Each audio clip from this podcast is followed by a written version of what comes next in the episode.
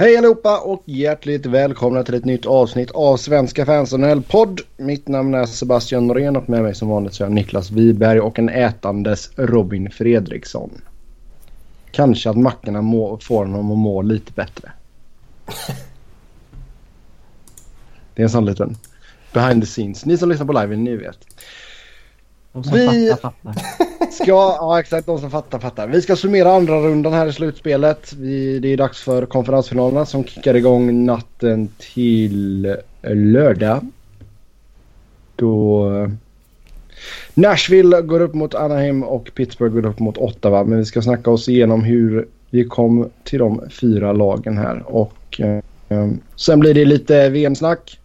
Lite övrigt smått och gott nyhets-roundup och sen självklart era lyssnarfrågor. Men först och främst då andra rundan. Niklas, Ottawa besegrade New York Rangers med 4-2 i matcher.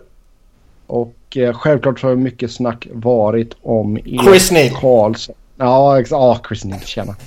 eh, mycket snack har ju varit kring Erik Karlsson som, spelat med, som spelar med eh, frakturer i foten och eh, jada jada jada. Hur stor bedrift är det av Ottawa att ta sig hela vägen till en konferensfinal?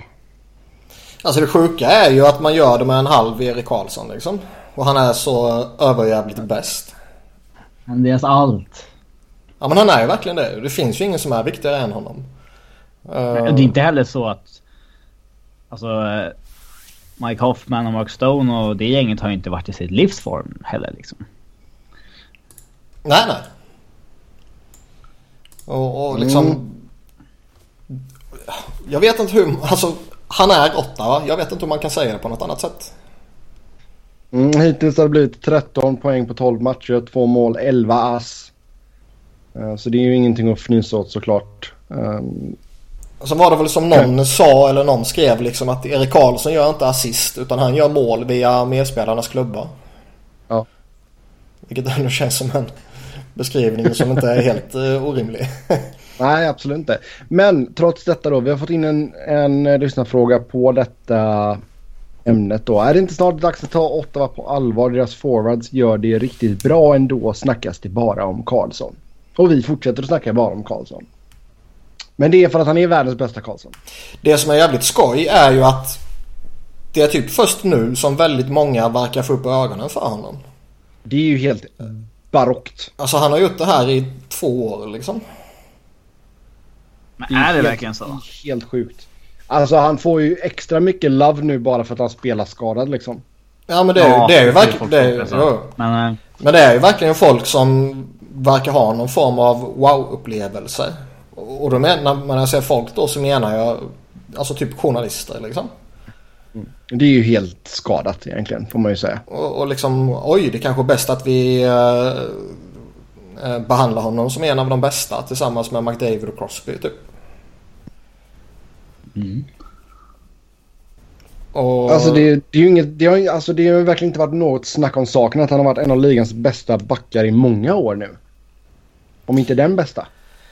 eh, nej så är det. Ja, han har varit den klart bästa senaste 4-5 åren.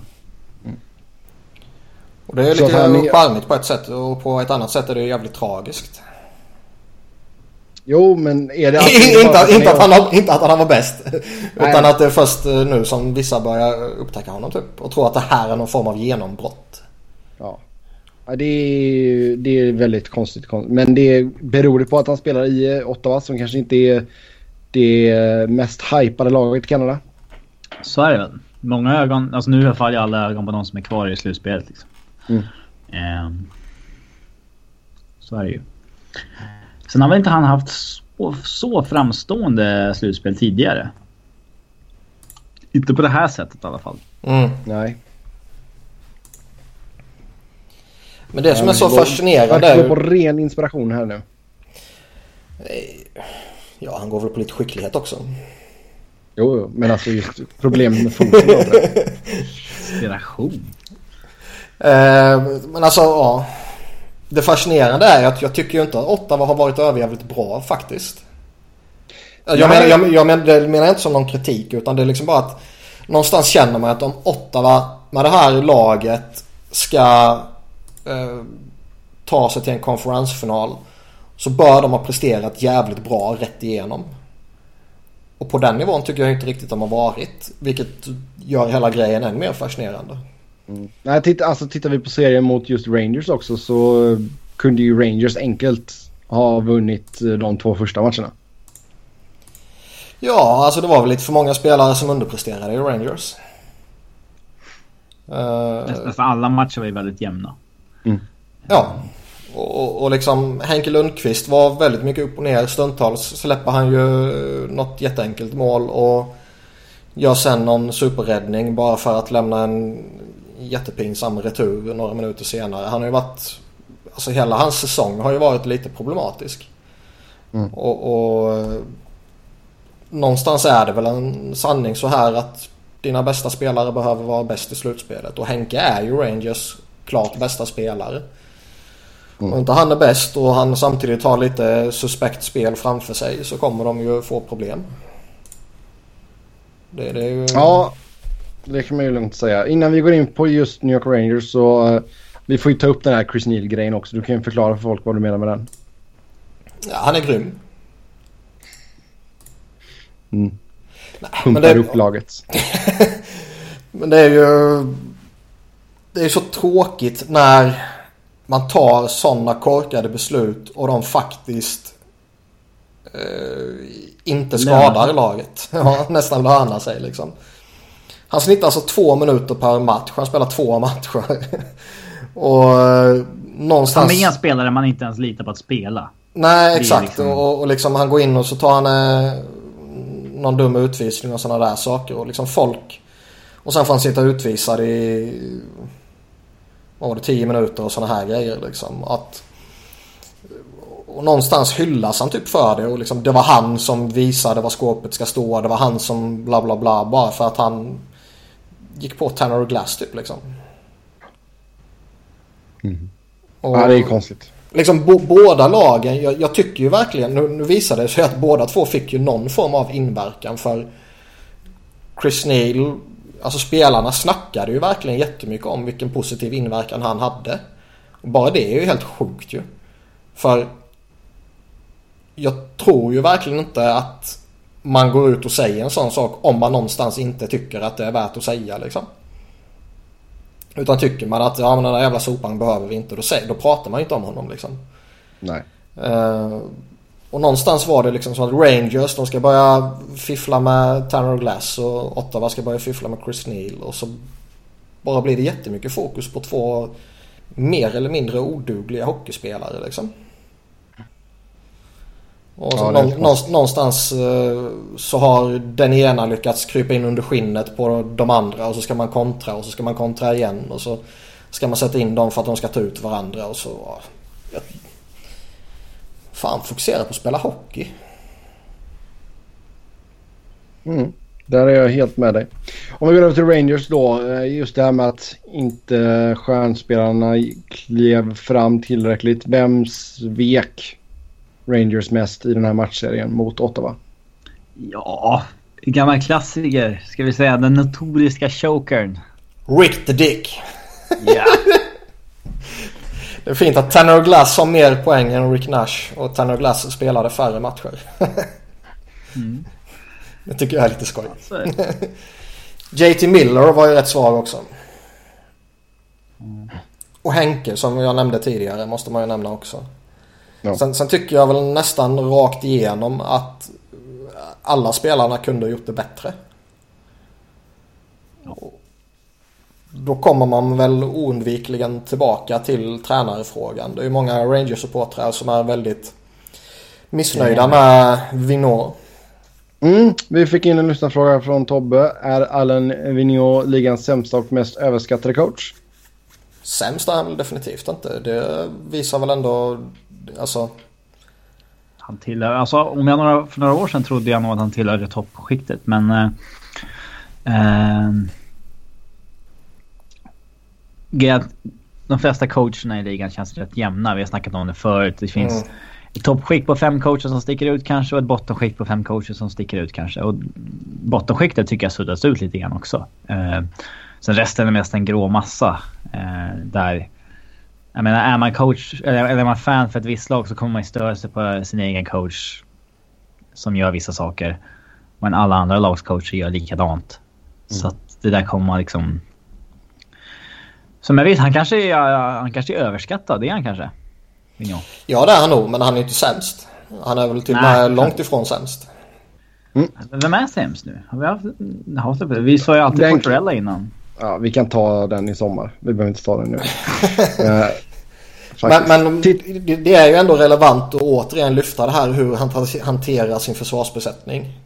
Mm. Där, där liksom man envisas fortfarande med att ge Dan Girardo och Mark Stahl stort utrymme liksom. Trots att de alldeles uppenbart inte hanterar det. Och det är de som ska stänga matcher och det är de som ska ta de viktiga situationerna och så vidare. När man har betydligt bättre men mindre etablerade och framförallt inte på lika stora kontrakt. De har inte guldbackar i övrigt heller men uh, Jen Gerard är en av ligans allra, allra sämsta. Ja. Om inte den sämsta av de alla, alla som är ordinarie. Så att, mm. uh, Tre säsonger kvar på 5,5 miljoner. Det är gött. Mm. Ska, borde man nästan, ja vi går in på det, vad ska man göra i sommar? Borde man ta och bara bita i det sura, sura äpplet och köpa ut Girardi? Det är väl inte aktuellt för fem öre om de... Med tanke på... Ja, de verkar hålla honom högt. Ja, sen eh, är det väl inte... Ja... Är det värt att köpa ut honom liksom? Jag vet inte, alltså, ska vi ta och titta på det lite snabbt kanske? 2,6, 3,6, 3,6, 1,1, 1,1, 1,1 i capita 6 år. Mm. Uh, Nej, det är ju inte aktuellt ändå. Så att, uh... fan, fan vet inte jag i ett, i ett första läge skulle försöka mig på någon trade i så fall. Om han nu går med på det. Han har ju någon movement-klausul så det är inte säkert att han går med på det. Men där man kanske byter något skräp mot skräp för att se om Uh, det andra ett... skräpet kan studsa tillbaka. ja, men lite så. Mm. Eller någon, någon med lite kortare kontrakt kanske. Jo. Mm. Annars på kontraktsfronten UFAs eh, Tanner Glass och Brandon Smith. Alltså, de har ju en intressant situation så tillvida att det fortfarande ryktas att de vill ha in en back. Och, och många... S. Vad sa du? Kevin S. Ja. Kevin Shattenkirk. Ja. Många verkar ju ha räknat in honom som en ranger redan. Och, ja, han är ju redan klar enligt många. Ja. Och... SHL är klar. Ska på inom den. Exakt och liksom de har 9 miljoner att röra på sig och de har eh, Sibania ska ha en liten löneökning och sen ska de väl ta slänga lite pengar på Jesper Fast till exempel. Och Eh, Brandon Perry, ska de förlänga med honom eller ska de ha in någon liknande och hur gör de med sina backar och så vidare. Så de har inte ett extremt stort eh, manöverutrymme. Nej, på RFA-fronten så har vi då Sebaniad, Piri, Fast, Matt Pumpel och Oskar Lindberg. Och sen Adam Clendenning på backfronten där. De har inte rätt spelare på utgående. Det är liksom... Nej mycket skön depth som de har haft billigt som mm. utgående. Um, uh, det började ju... Då. Men, uh, det började ju direkt ryktas som att uh, Rick Nash kunde... ja, kanske inte kommer vara kvar liksom. Mm, ett år kvar på 7,8 miljoner. Jag menar får du, får du loss de pengarna så... Ja, han, han går in på det högsta löneåret nu också. Kvarvarande året. Så det är inte så att han har ett sånt kontrakt där han kanske tjänar 5 miljoner och har en capita på 7,8 och så kanske något lag lockas av det. Utan eh, Nej. han tjänar 8,2. Ja, det är ganska saftigt. Så det är alltså, ja. Jag kan, jag kan ju verkligen inte se ett läge där man köper ut honom liksom. Då löser man det på något annat sätt om man verkligen behöver cap space.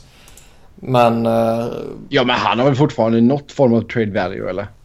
Så jävla dålig är han väl inte? Ja, det har han väl. Men kanske inte med det kontraktet. Alltså, men då jag... får du väl äta lite då?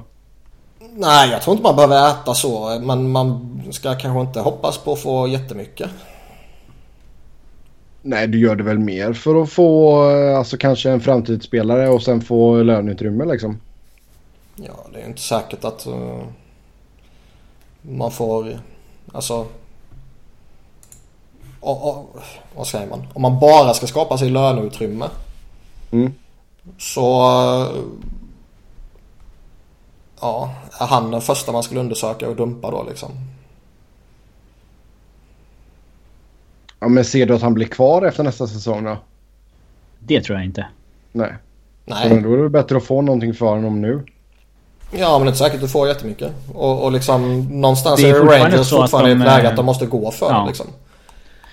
Så länge de fortfarande Jo, men, Henke men kan Lundqvist väl ett gott fortfarande gå slag. med det ut, utan Nash. Han har ju visat ändå att han inte lever upp till förväntningarna.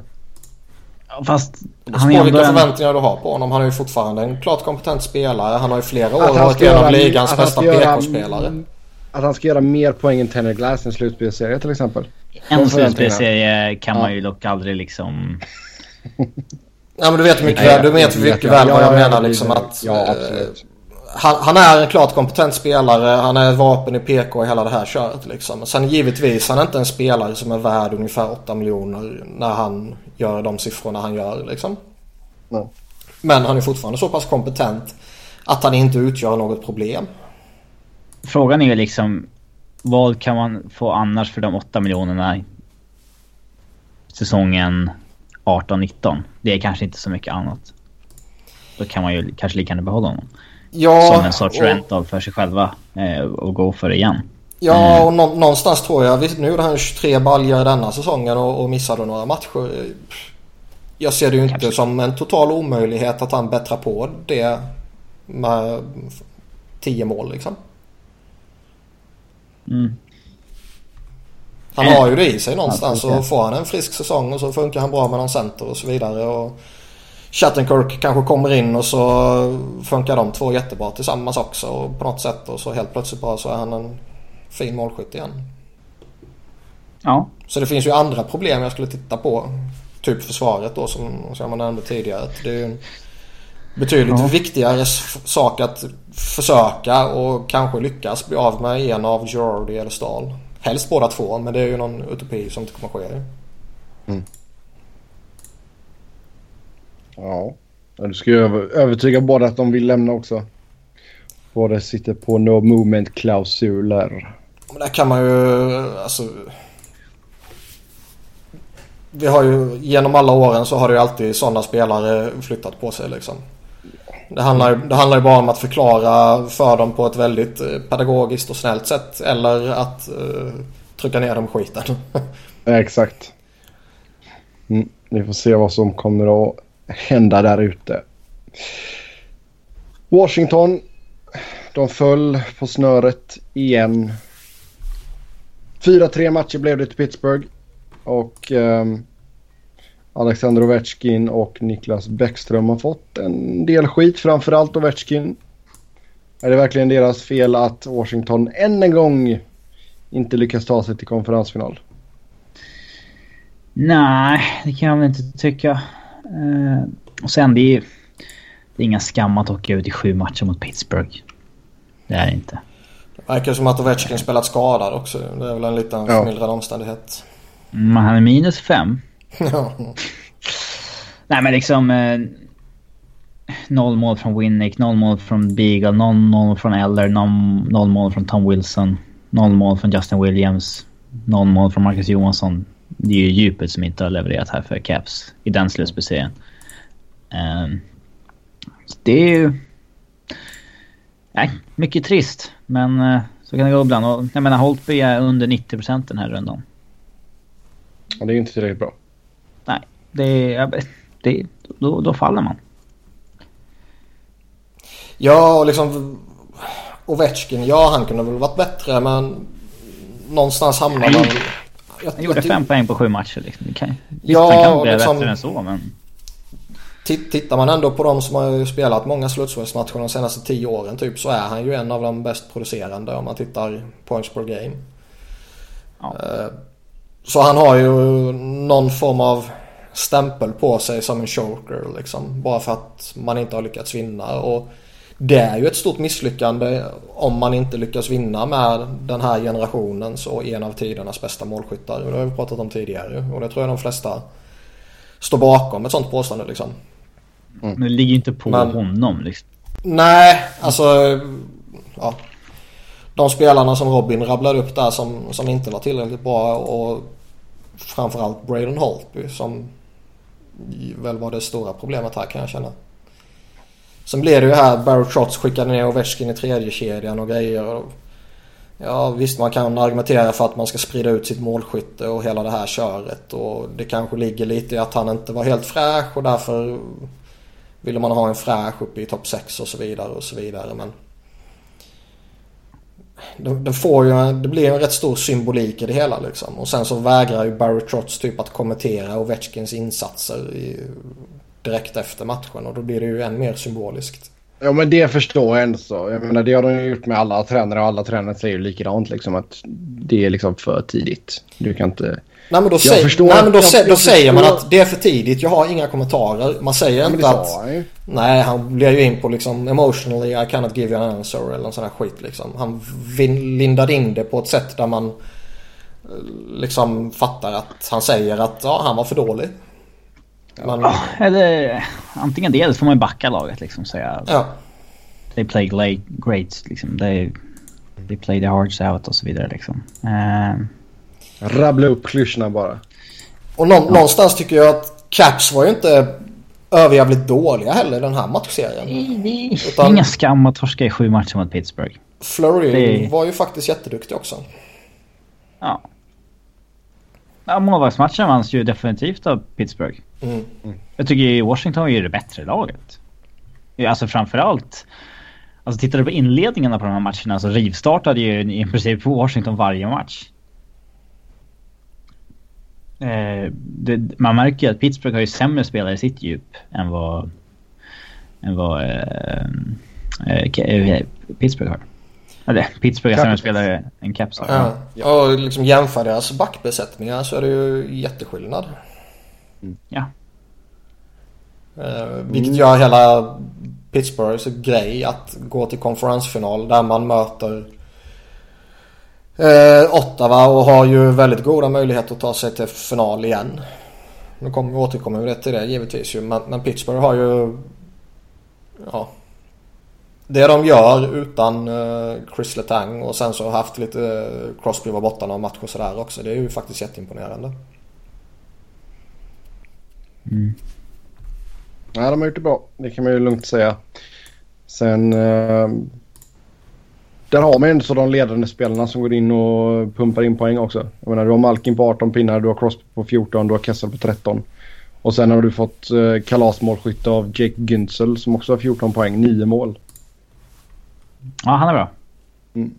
Och så jättefint målvaktsspel på det. Så ja. då har du ett fint recept. Absolut, absolut. Justin Schultz har gjort det helt okej okay också. Han har ju fått axla Letangs mantel lite.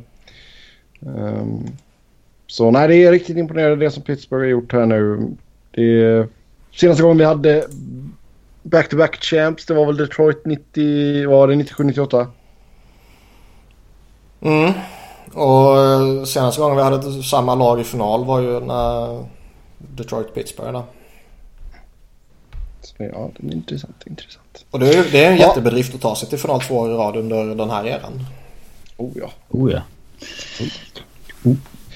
Om vi tittar på Capitals lag här då och vad som kan hända i sommar. UFAs, där har vi TJ Oshie, Justin Williams. Leffe. Leffe, sorry. Leffe, Leffe Oshie, Justin Williams, Daniel Winnick. Uh, man satte upp på Carey på waivers. Uh, man måste ha en syndabock. Carl Alsner och då Kevin Shattenkirk. Shattenkirk kommer ju inte komma tillbaka. Det känns inte som. Nej, det känns väl redan klart. Och TJ ja. Oshie kan de ju inte få tillbaka heller känns det som. Om de tradar iväg något. Han, kom, han kommer ju få ett jättekontrakt någonstans ju. Mm. Och ja. lagen kommer att ångra sig jättefort ju. Mm. Precis äh, som det laget som signar Carl Alsner också kommer att ångra sig jäkligt snabbt. För där känns det som att det kommer bli ett sjuhelvetes kontrakt. Mm. Det känns inte som att han blir kvar i alla fall. Ja, men då gör Caps ett riktigt stort misstag. Jag har alltid tyckt att han var rätt eh, bra sådär. Men han har Ja, Men är det back var... du vill ha på 5 Nej, nej, nej, nej, det är det jag tänkte komma till. Han, han är ju inte... Det känd, ja, jag hade inte riktigt samma bild av honom detta slutspelet. Du har, alltså, du har ju redan Niskanen på 5,75 och Orpik på 5,5. Uh, ja, jävla sen har du, taktet alltså. du har ju Karls, Karlsson kvar på ett år med drygt fyra. Sen blir han UFA också. Ja, någonstans behöver man planera långsiktigt vad man ska göra med honom. Kan du signa både Altsson och Karlsson på ett långt kontrakt? Kanske inte. Nej. Sen RFA så har du Kuznetsov. Han ska väl upp uh, en del i lön också. Även fast han kanske inte hade någon monstersäsong i ryggen. Han ska ändå uh, ha det dubbla liksom. Minst. Ja, Burakovsky ska ha nytt. Brett Connolly. Dimitri Orlov RFA också och Nate Smith och sen Filip Grobauer. Men de har ju ändå en del kontrakt på utgående här som om de förnyas så kommer de bli lite dyrare. Alltså mm. Kuznetsov han ska upp en hel del och eh, Dimitri Orlov ska ju upp en bra bit över de knappa 3 miljonerna han har till exempel. Jag tycker han är en underskattad back. Det käkar ju upp eh, Oshie-pengarna direkt där ju. Ja och sen har du väl Karl Altsner då. Han kommer väl få minst vad Brooks Orpik fick känns det som. Om de förlänger med honom. Men det, ja. tror, det tror jag. Och eh, det innebär väl att ja, man, man, kanske kan få Justin Williams på något liknande kontrakt som han signade från början för gamla gubben som fortfarande vill vinna och kanske trivs så bra i Washington så signar han ett billigt kontrakt fortfarande och så vidare. Ja. Eh, men till Joshi kommer man ju förmodligen förlora.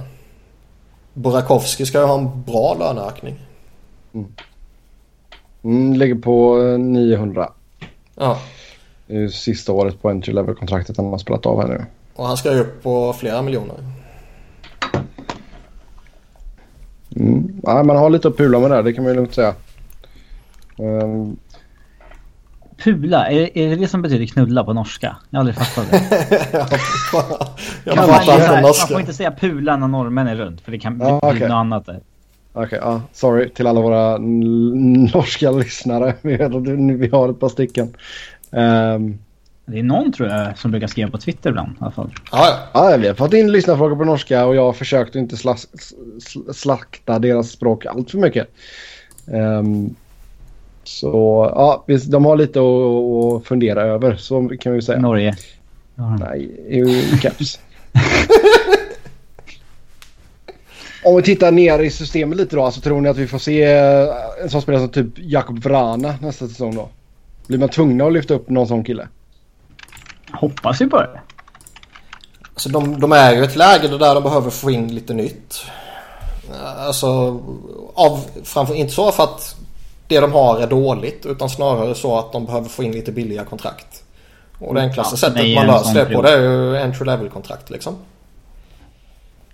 Och om man jämför med Chicago som ändå har varit väldigt duktiga under tunga lönetaksproblem. Liksom att slussa in det egna underifrån trots att de har tradat iväg många picks och så vidare.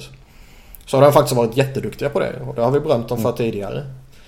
Nu börjar ju Caps komma i en situation där de också behöver göra det. Och, och slussa in en hel del, eller en hel del men över tid behöver de ju slussa in en hel del. Ja. Vilka andra spelare tror du, har ni koll på någon av de andra? Vem kan ligga bra till? Eh, Samsonov om han är en sån som man kan nämna givetvis ju. Jag vet inte vad som är sagt kring honom om han ska Christian köra... Jos borde väl vara hyggligt aktuell för att testa på i alla fall. Mm, han ja. få här nu också. Ja, det är mycket möjligt att vi kan se någonting. Jonas Siegenthaler är ju en sån där som har eh, vad jag tycker skött sig väldigt bra i flera JVM här nu för Schweiz. Och ja. som ju redan har provat på lite AOL och så här. Eh, jag har inte sett vad som är sagt om honom men det är en sån där spelare som jag tycker är lite småspännande för dem. 20-årig back och duktig på det mesta det man har sett honom i JVM. Och har ju verkligen varit liksom en väldigt framträdande spelare för Schweiz och som de har litat en hel del på honom. Mm. Ja.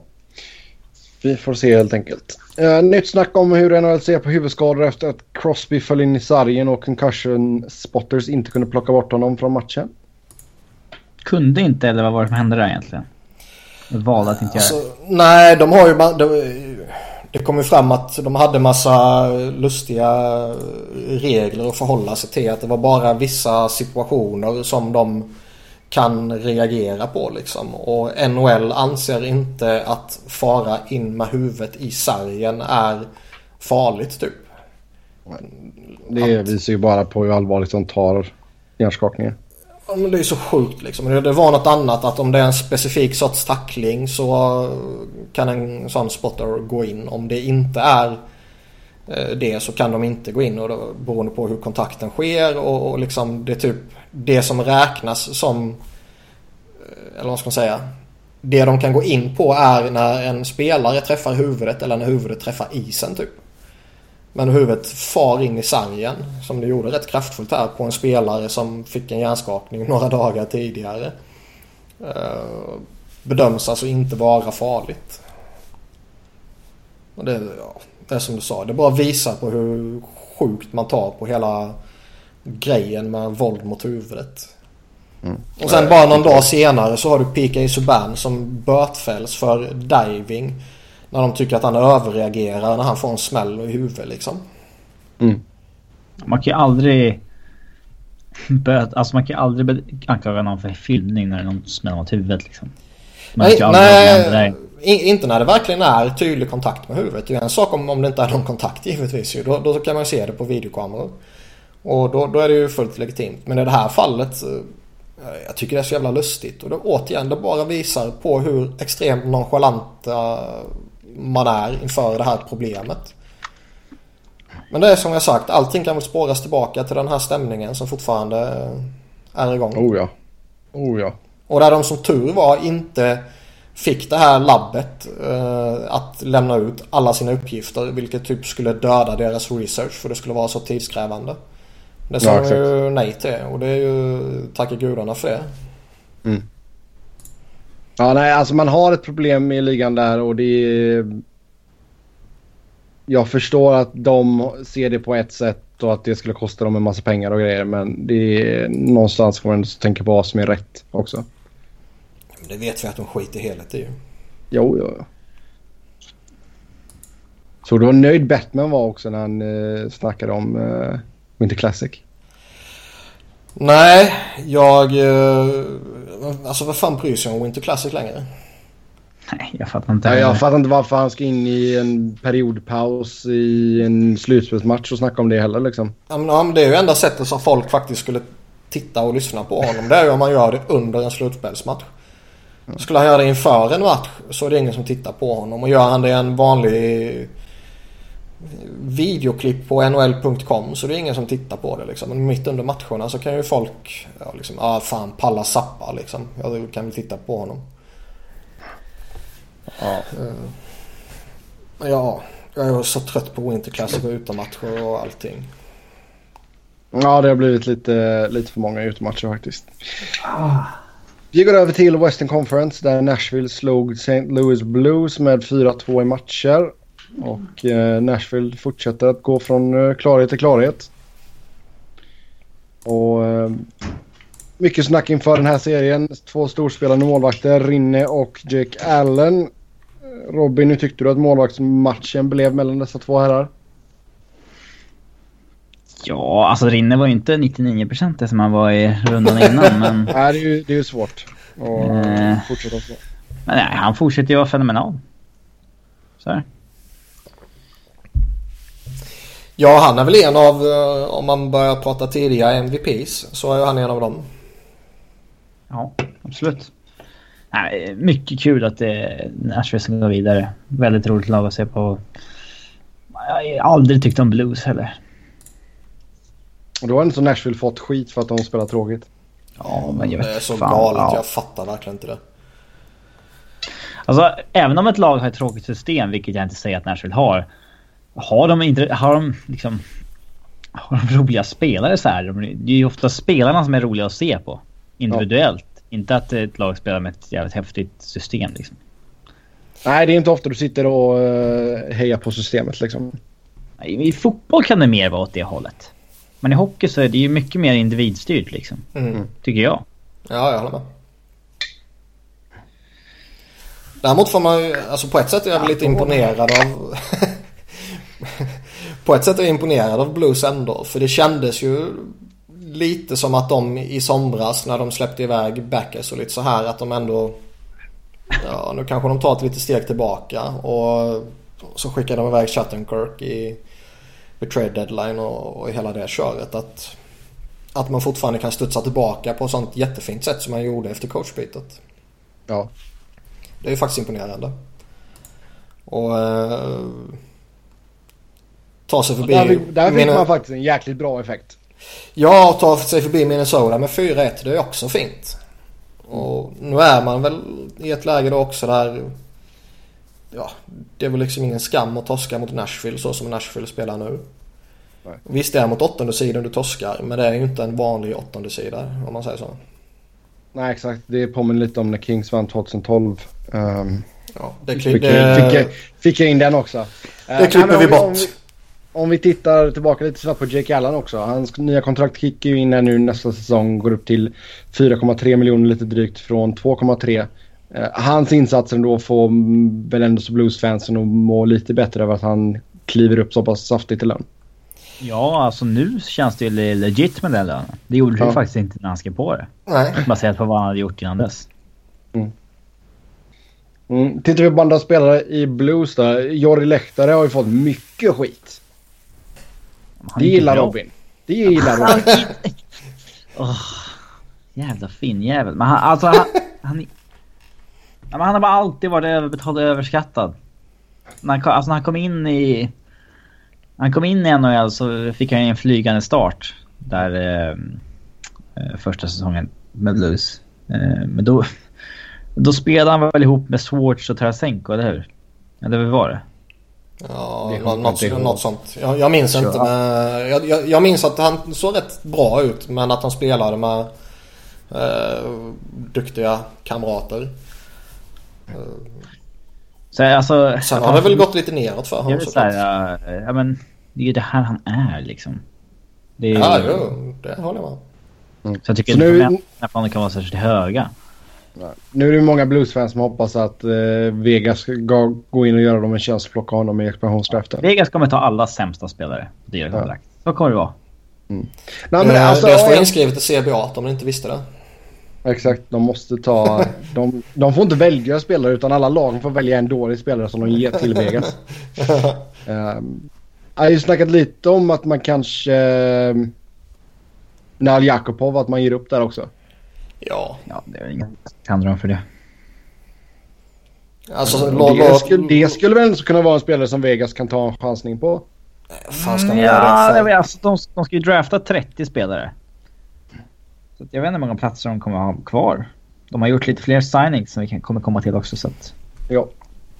Men äh, ja, fan släpp honom liksom. De 2,5 miljonerna han har kan du signa upp någon free agent för som gör det lika bra eller bättre. Mm. Eller så lägger en du det internt på någon liksom. En bast helt enkelt. Colton Pareko ska ju ha nytt så kommer väl mm. gå upp på några miljoner också rimligtvis. Oh ja. Mm, Pareko har gjort det bra ändå får man säga. Annars har man inte så jättemånga utgående kontrakt. Du har Skåde Uppsal som blir UFA. Och sen har du Jakobov då, RFA. Pääjärvi, RFA. Pareko, RFA. Ja, jag säger liksom släpp Jakobov, signa upp Pareko på några miljoner såklart. I övrigt är det ju inte något dyrt. Nej, ge Pääjärvi 700 000 igen så är väl han nöjd. Sen är väl då, ja, de har ju inte jättemycket att spela på så de vore nog rätt glada om Vegas skulle ta ett kontrakt som är på några miljoner i alla fall. Så att de får lite spelrum. Ja, alltså om du, om du tittar på truppen här Niklas, vem, vem skulle du ta om du var Vegas? Tarasenko. Jo, jo, men han kommer ju skyddas. Menar du det? Men av, av, av, spelarna som du tror ändå så kan bli eh, exponerade. Vilken invecklad fråga. Det är en... Nej, det är så jävla farligt är det väl inte. Det är det väl inte. Alltså ja, vad, vad, kommer de att göra med en sån som David Parron till exempel? Kommer de skydda honom eller kommer han exponeras? Det är, det är här, inte bara här Vegas ska välja. Man ska välja Nej. från 30 lag. Alltså, ja, så att, måste få ihop hela pusslet. Men tittar man bara på ja. Blues så... Ja, David Perron tillgänglig så kan jag väl tänka mig plocka honom liksom. Mm. Och det känns som att han står... Ja, det känns som någonstans kanske han står på gränsen för att bli skyddad eller inte. Mm. Jo, med honom hade man ju plockat alla dagar före Lehtera i alla fall. Ja, någonting annat, man, vad, någonting annat som du tycker att Blues behöver fundera på under sommaren? Man har två förstahundsval. Det är intressant att se hur man jobbar det här. Mm. Ja, det är sant. Man har sitt eget val och sen har man Washingtons. Ja. Mm.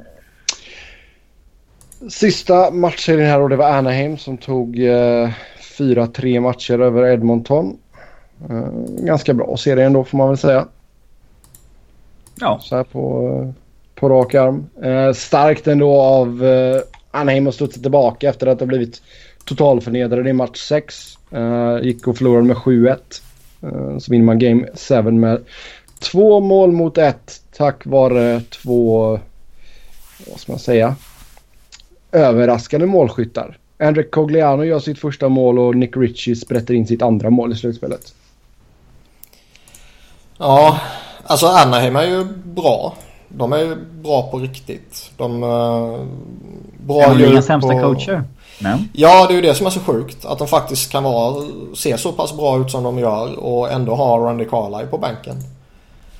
Men tror du inte Getzlaff bara sagt till alla att skit i vad han säger, nu kör vi bara? Ja, som Z gjorde i Detroit. Ja. det är bekräftat. ja, det är 100% sanning, tolkar jag det som. Men... Uh, get, ja, vi nämnde Rinne och EK65 som sådana här eh, MVP-kandidater. Ryan Getzlaff är ju en annan ju. Oh, ja. Han har ju varit jättebra. Inte bara mm. i denna serien utan i båda. Uh, och han är, ju, han, är, han är ju den ledande spelaren han behöver vara. Vi har, alla har koll på deras försvar. Där har de uh, jättefina spelare liksom. Mm. Getzlaff fyllde 32 nu den uh, igår. Mm.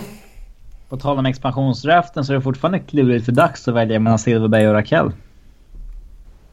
Den är jobbig då. Ja, den blir klurig. Om man inte kan lösa det på något annat sätt. Men... Kan ju... I och för sig nu, nu är ju båda oavsett om, om man bara förutsätter att en av de två skulle bli uh, ledig så att säga.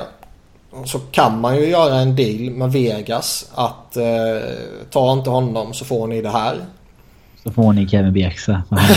kan vi inte exponera vad han har med moment Kassel. Å, an, å andra sidan så Alltså Vegas måste ju ändå fatta att fan Silverberg blir ledig. Det är en jättebra spelare. Han tar vi liksom. Mm, ja. Och ska, ska man då deala med dem att de inte ska ta honom så kommer ju priset bli rätt högt. Och då känns det liksom, då kan man lika gärna bara trada honom.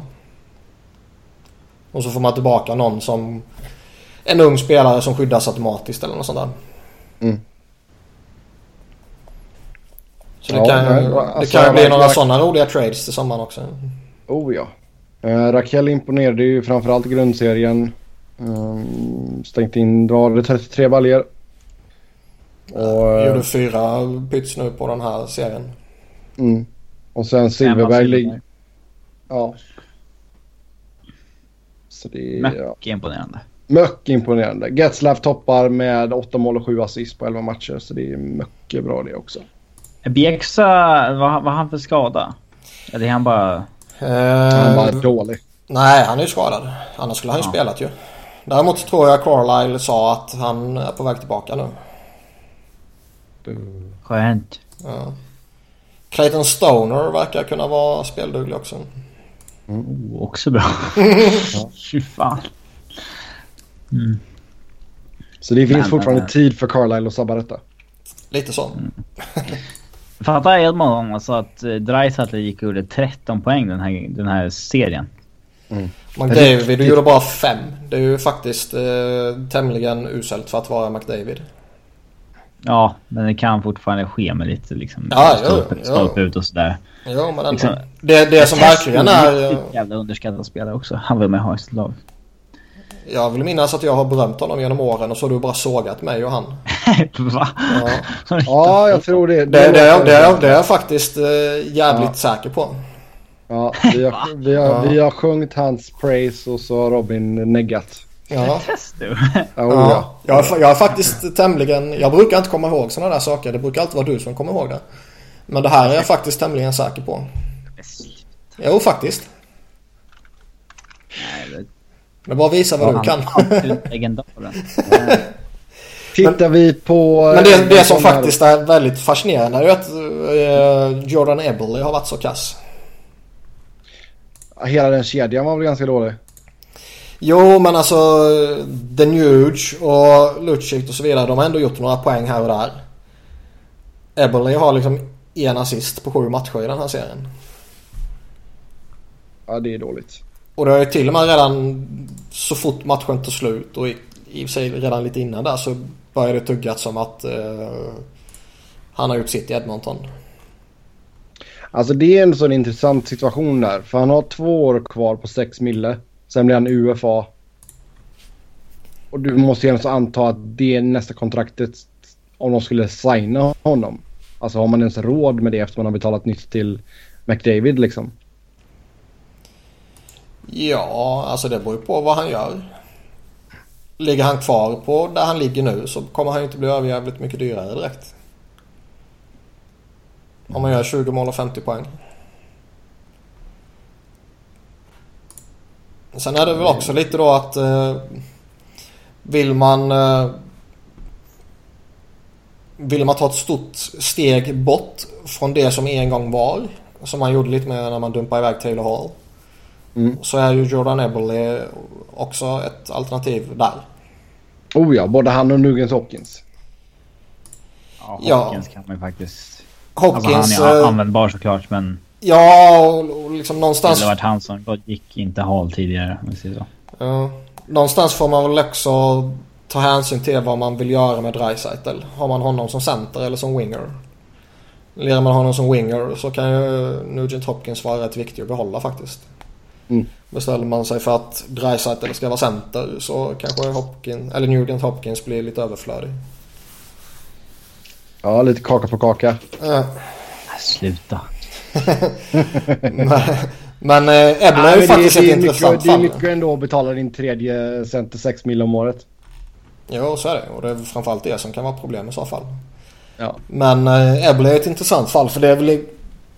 Han är ju inte den kompletta forwarden på något sätt. Han är väl en tämligen endimensionell forward. Men hela grejen med honom är att det som han är endimensionell på är ju faktiskt väldigt eh, attraktivt i ligan.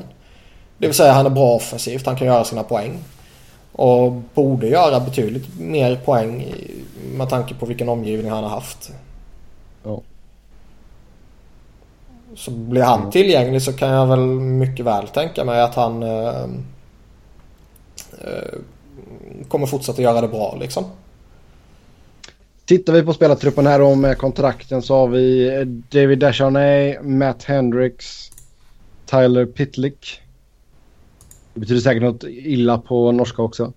eh, Chris Russell och Eric Gruba på, eh, som blir UFAs och även eh, man blir av med Andrew Ferrens också. Eh, Det är, för, det är faktiskt typ ingen man vill förlänga med där. Nej, alltså enda kontraktet som man har som man verkligen måste signa det är ju Leon Draisaitl och han är RFA så det är en superpanik där liksom. Nej, RFAs då har du Zach Cassian, Dreisaitl som du sa där Niklas.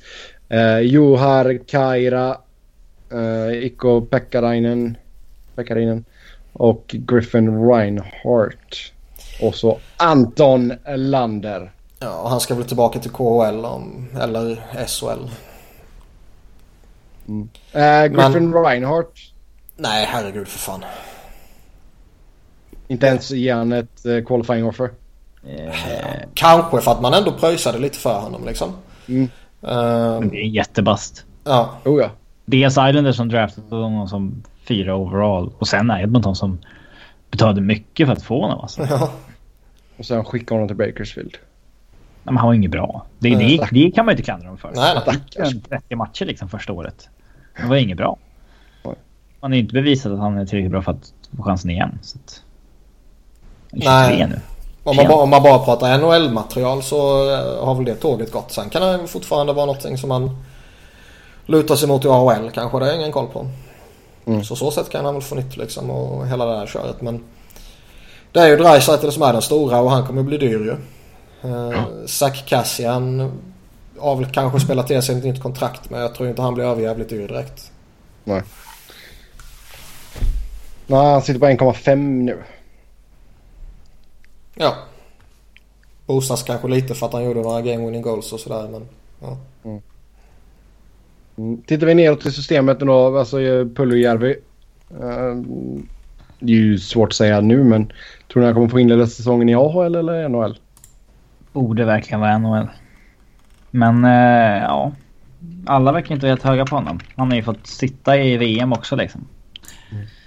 Ja, hur jävla dåliga de har varit ska säga. Kan det säga en del kanske? Ja, eller liksom, eller så säger det en del om de som bestämmer i VM. Liksom. Ja, Det jo, finns jo, klart. jo. Men det där är en fruktansvärt talangfull hockeyspelare. Mm. Eh, Det blev ett mål, sju assist på 28 NHL-matcher den säsongen. Sen skickades han ner till Bakersfield Condors i AHL där det blev 12 mål och 16 assist på 39 matcher. Fick ju härja ner i fjärdekedjan och sånt där skit också. Det är kanske inte alltid jätteenkelt att ta ligan med storm som man kanske förväntas göra. eh, Med tanke på vilket namn det var och med tanke på hur man har gjort tidigare i JVM och så vidare. Nej, det var mycket hype. Ja. Mycket hype. Eh, däremot håller jag med det Robin sa att han måste ju verkligen, eller borde är väl bättre ord kanske, inleda i NHL. Sen ska man ju förtjäna det och är han skitdålig på campen så får man väl dumpa ner honom till AHL igen och så får han jobba sig upp. Mm. Men det, någonstans känner man väl också att ska, ska de göra någonting av det här med Jordan Eberle och det känns ju verkligen som en ny Taylor Hall situation där de inte kommer få ut maxvärdet av honom. Nej. Eh, Men ska de dumpa honom beroende givetvis på vad man får tillbaka och så vidare så känns det ändå som att Puljujärvi behöver komma in och ersätta honom. Jo, det är sant. Eh, Vad skulle du då hitta på ifall du var GM för Oilers i sommar? Du får sommarjobba som Oilers GM. Då skulle jag trada McDavid till Philadelphia.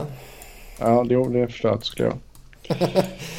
Dum, dum fråga Men, för eh, dumt svar. Ja. Nej men alltså hela grejen är Dreisaitl. Man måste ju signa upp honom ju. Och eh, det kommer ju sköta sig liksom. Men ja, man kan ju inte slänga upp liksom 14 miljoner till honom. Man kan signa McDavid redan i sommar. Ska man försöka göra det? Ja. Det, Då var det 10 mille blankt. så fort det bara är möjligt kommer han signa nytt. Jag, jag ser liksom inte varför det kommer ta tid. Det, ja. Men tror du han signar, tror han går med på 10 mille blankt? Alltså frå, frågan är om han har så bråttom att signa. För säga att han gör en ny sån här supersäsong och kanske gör 120 poäng eller någonting kommande säsong. exakt. Det är inte omöjligt. Nej. Men det, det, han ligger ändå en del på McDavid. Alltså man kan ju som Chiarelli gå in i den här förhandlingen och säga Alltså om du ber 15 så kommer du få det. Men Mm. Men laget Liksom- runt omkring det kommer vara bajs. ja, vill du, vara med, vill, du, vill du att vi är lag som ska vara med och slåss så Så ta tänk efter liksom. Ja. Det är lite där det, det ligger liksom hos Connor. Han kommer ju få det han vill ha. Ja, ja det ska han få. något- Ja. Han kan inte begära något enormt. Nej, det är sant. Det är sant. Hur... ehm, lite snabbt innan vi går vidare här. Hur ser ni på backsituationen då? Man har Säckera, Kläffbom och Larsson uppskrivna på långa kontrakt. Det är alla hyggliga backar. Ehm, men ehm, Daniel Nurse går in på sitt sista år på sitt entry level. man borde ju ägna sommaren åt att försöka hitta bra och billig depth. Mm. Både på backsida och på forwardsida. Oh, ja. Anser Ja. Sunda råd från Robin Fredriksson till Oilers. Då kliver vi in på konferensfinalerna. Pittsburgh, Ottawa. Här är ju ändå så eh, om Ottawa har varit underdogs i de tidigare serierna så är man eh, riktigt stora underdogs i den här. Och eh, det är väl inte så konstigt med tanke på att man, går upp mot de regerande mästarna och de har sina stjärnspelare i gott slag. Alltså grejen, grejen är att Pittsburgh, här borde ju verkligen Pittsburgh trasa Ottawa sönder och samman så fort Karlsson inte är på isen. Ja. Alltså, men, måste- han, han kommer ju spela så mycket det bara går liksom. Han kommer förmodligen ligga på 30 minuter. Eh, Men hur mycket han än spelar så kommer det ju alltid finnas jättestora möjligheter för Malkin och Crosby i synnerhet då. Att uh, vara på isen när han inte är där. Mm. För det går liksom det inte att dubbelmatcha honom hela tiden mot dem. Nej, exakt. Och jag menar, där har du ju en så... eh, en bra grej också. Att Pittsburgh har hemmafördel och allt sånt där. Så man kan... eh, Ja, och de kan rulla ut tre bra kedjor också. Så det är inte bara två kedjor de har liksom. nej. Eh, Så där borde det verkligen... De borde verkligen få jätteproblem så fort Karlsson inte spelar. Det har de ju alltid. Eh, Det är bara att titta på siffrorna liksom. Men eh, just mot Pittsburgh nu så borde det bli ännu mer tydligt tycker jag. Tycker du att det finns någon i Pittsburgh som behöver lyfta sig? Ja, Malken har inte varit så jävla het. Nej, leder poängligan med eh, 18 gjorda poäng, 5 mål, 13 assist på 12 matcher. Eh, alltså finns det egentligen någonting att klaga på i Pittsburgh? Hagelin har väl inte varit så jävla fräsch men han har väl varit skadad och Han har varit skadad, så Ja. exakt. Så där Så kan är det det väl- inte riktigt... Men det är väl det. Sen är det väl kan, kanske... Ja. Har man precis slagit ut Washington och ska gå upp mot Ottawa så känns det lite lustigt att säga att backbesättningen som enhet kanske behöver steppa upp sig. Eh, Men där kanske jag snarare tänker ett längre steg in mot en final. Där man oavsett vilka man kommer få möta kommer få möta ett jävligt svårt lag. Jo, alltså här gäller väl bara att hålla nivån. Eh, hoppas att du kan få samma typ av spel från Flurry också. Har vi fått någon uppdatering på Matt Murray nu? Nej, inte vad jag Skulle vet. väl eller någonting tyckte jag att Kristoffer Bodin skrev på Twitter att han han var rädd att Murray skulle stå i Game 7 och sen stå i resten av serien. Han hejar ju på The Flower i den här Stanley Custer-spelet. Okej. Det är ju vår officiella målvaktsexpert om folk som inte vet det. Det var länge sedan han var med. Vi måste ragga upp honom igen. Ja, han jobbar ju på Sportbladet nu så det är kanske lite svårare liksom. Nej, nej, Men, nej. eh, Han ställer alltid upp för Wiberg. Annars så gör väl livet surt för honom. Eh, ja, det är ett sommarprojekt. Målvaktsspecialavsnitt. Oh ja. Men... Uh, alltså man byter ju inte målvakt om Murray kommer tillbaka nu. Flurry har varit så helvetes bra. Murray har varit borta så länge. Man kan ju Ja. inte byta. Men det är mycket du sa med tanke på sommaren. Ja, alltså... Helt plötsligt hamnar man? ju i en jätterolig situation för...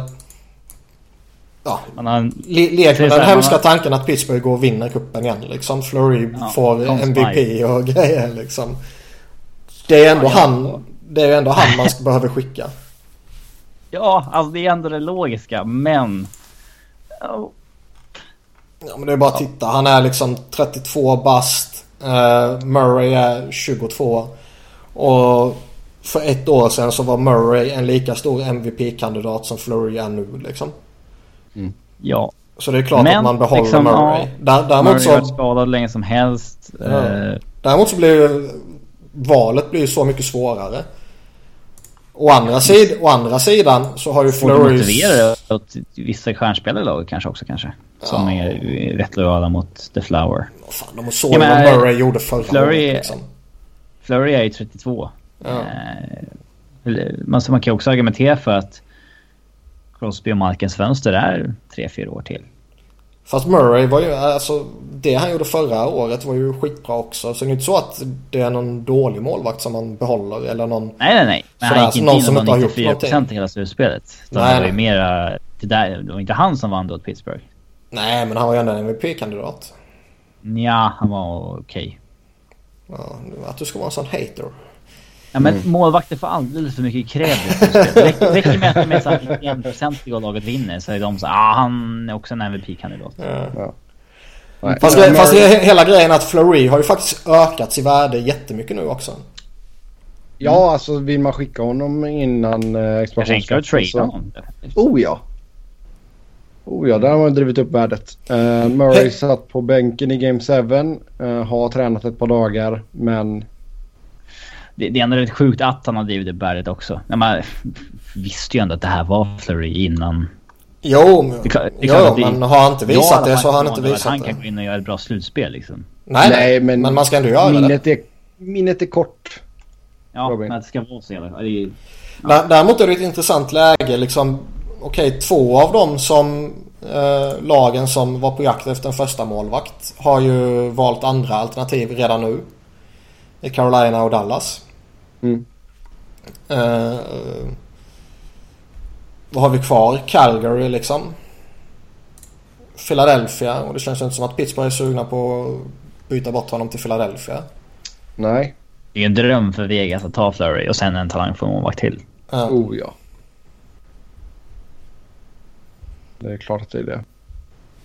Visserligen har bara signat ett år till då för dem. Men... Eh, två. Eller nej, två. Ja.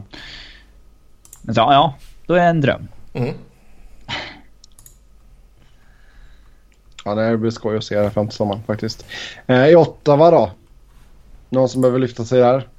Erik Karlsson, han har inte varit tillräckligt bra. Um... Mm, nej men alltså, inte för att de har varit dåliga, men ska de ha en chans mot Pittsburgh så måste faktiskt Mark Stone och Mike Hoffman och det gänget också börja spela sitt livs hockey. Mm. De kan inte uh... luta sig på Chris Neal hur länge som helst. Nej, exakt. Och Peugeot kommer inte smaska in fyra mål i varje match. Nej, det har gjort en gång. Kommer aldrig göra igen. Brassard, äh... Brassard är väl en sån där som behöver steppa upp lite också i sin produktion. Mm. Eh, det vore nog trevligt för dem om Bobby Ryan gör som han gjorde i första rundan.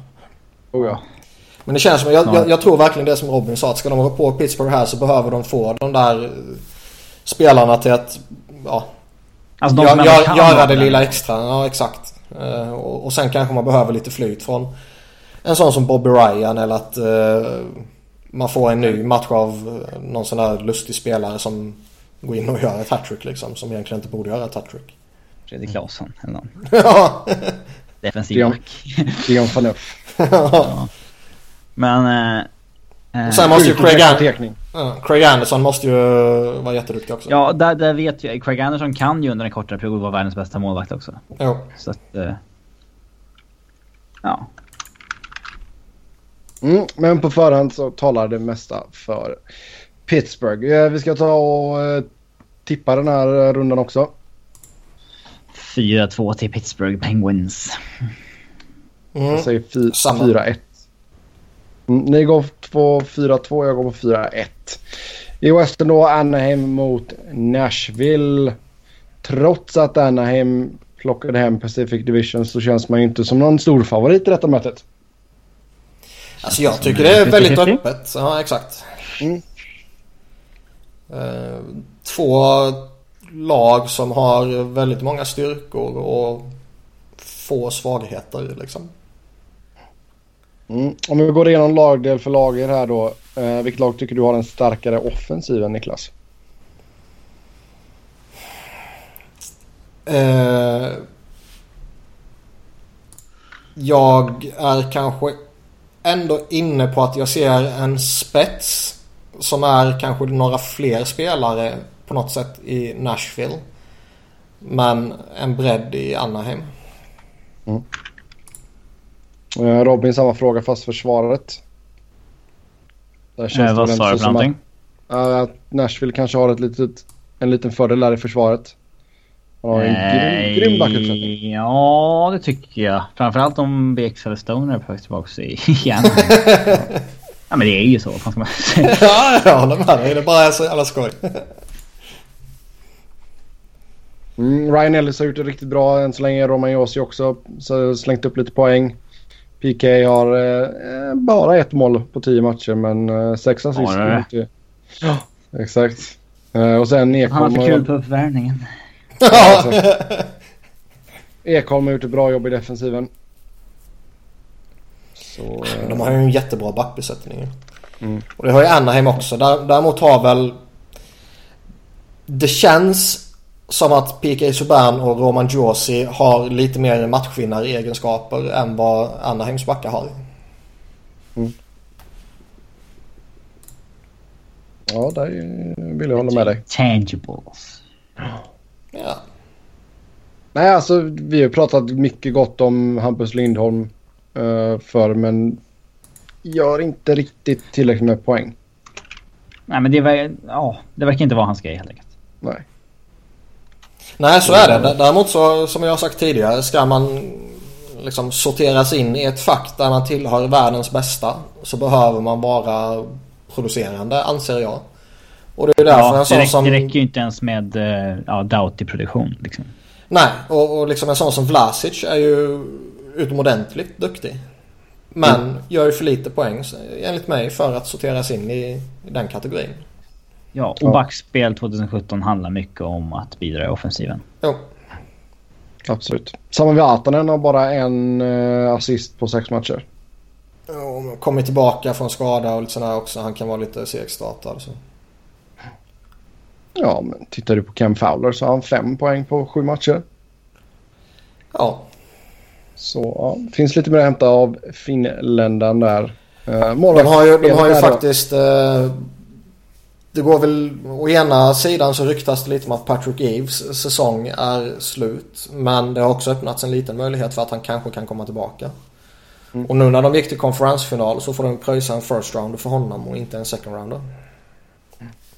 Då vill man ju att han ska spela. Ja, och han är en bra spelare också. Så... Oh, ja. mm. eh, målvaktsmatchen här då. Rinne mot Gibson. Känns som att Rinne ligger i eh, framkant där. Ja, jag tycker inte Gibson har varit dålig så. Däremot så... Det är väldigt svårt att säga något på förhand. Ja, Uh,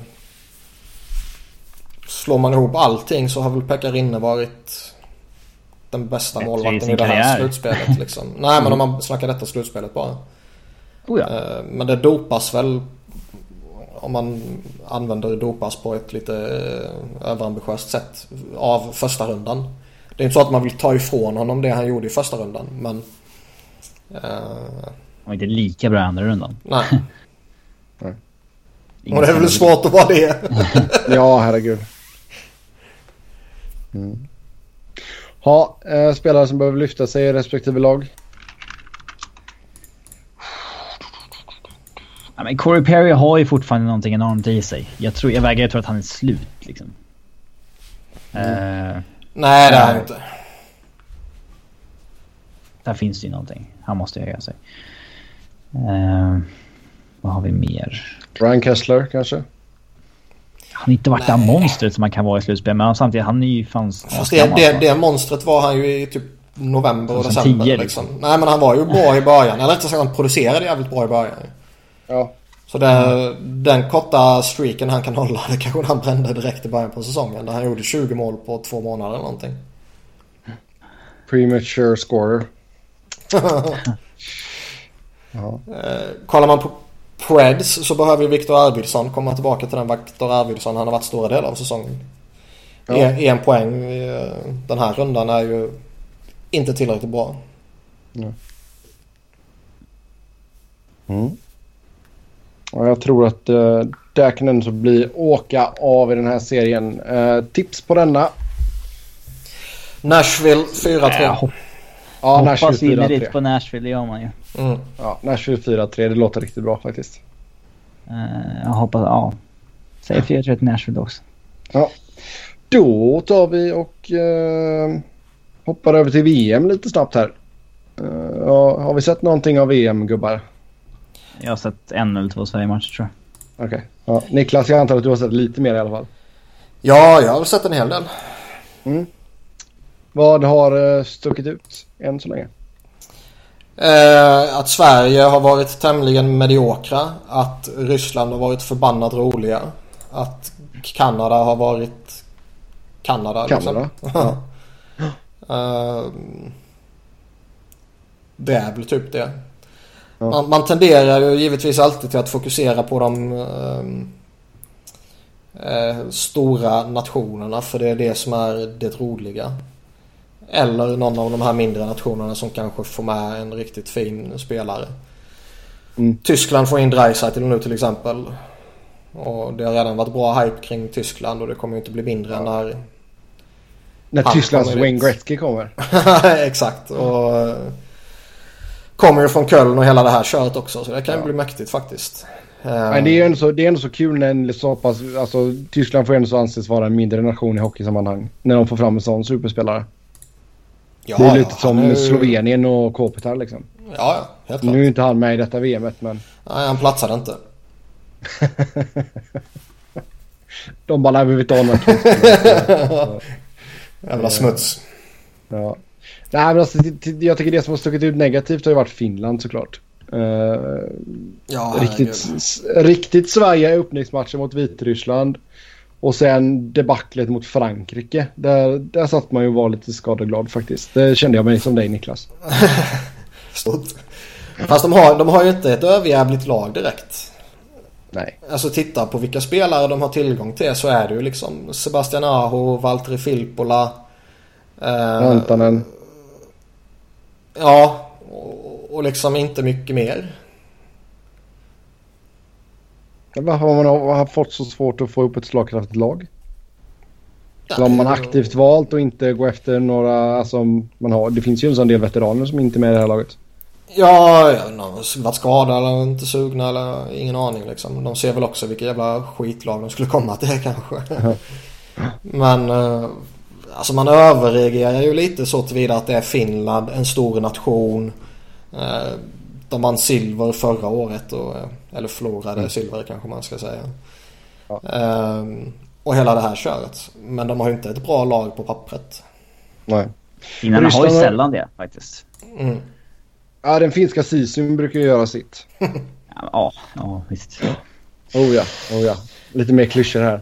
Uh, jag skulle säga att jag missade ju Rysslands kross av Italien. 10-1 slutade den matchen.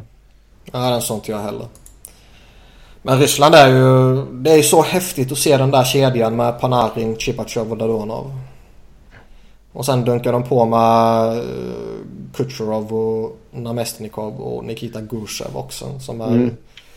rätt trevlig på det med ja. Och nu kommer Kuznetsov och Orlov in från Capitals också. Mm.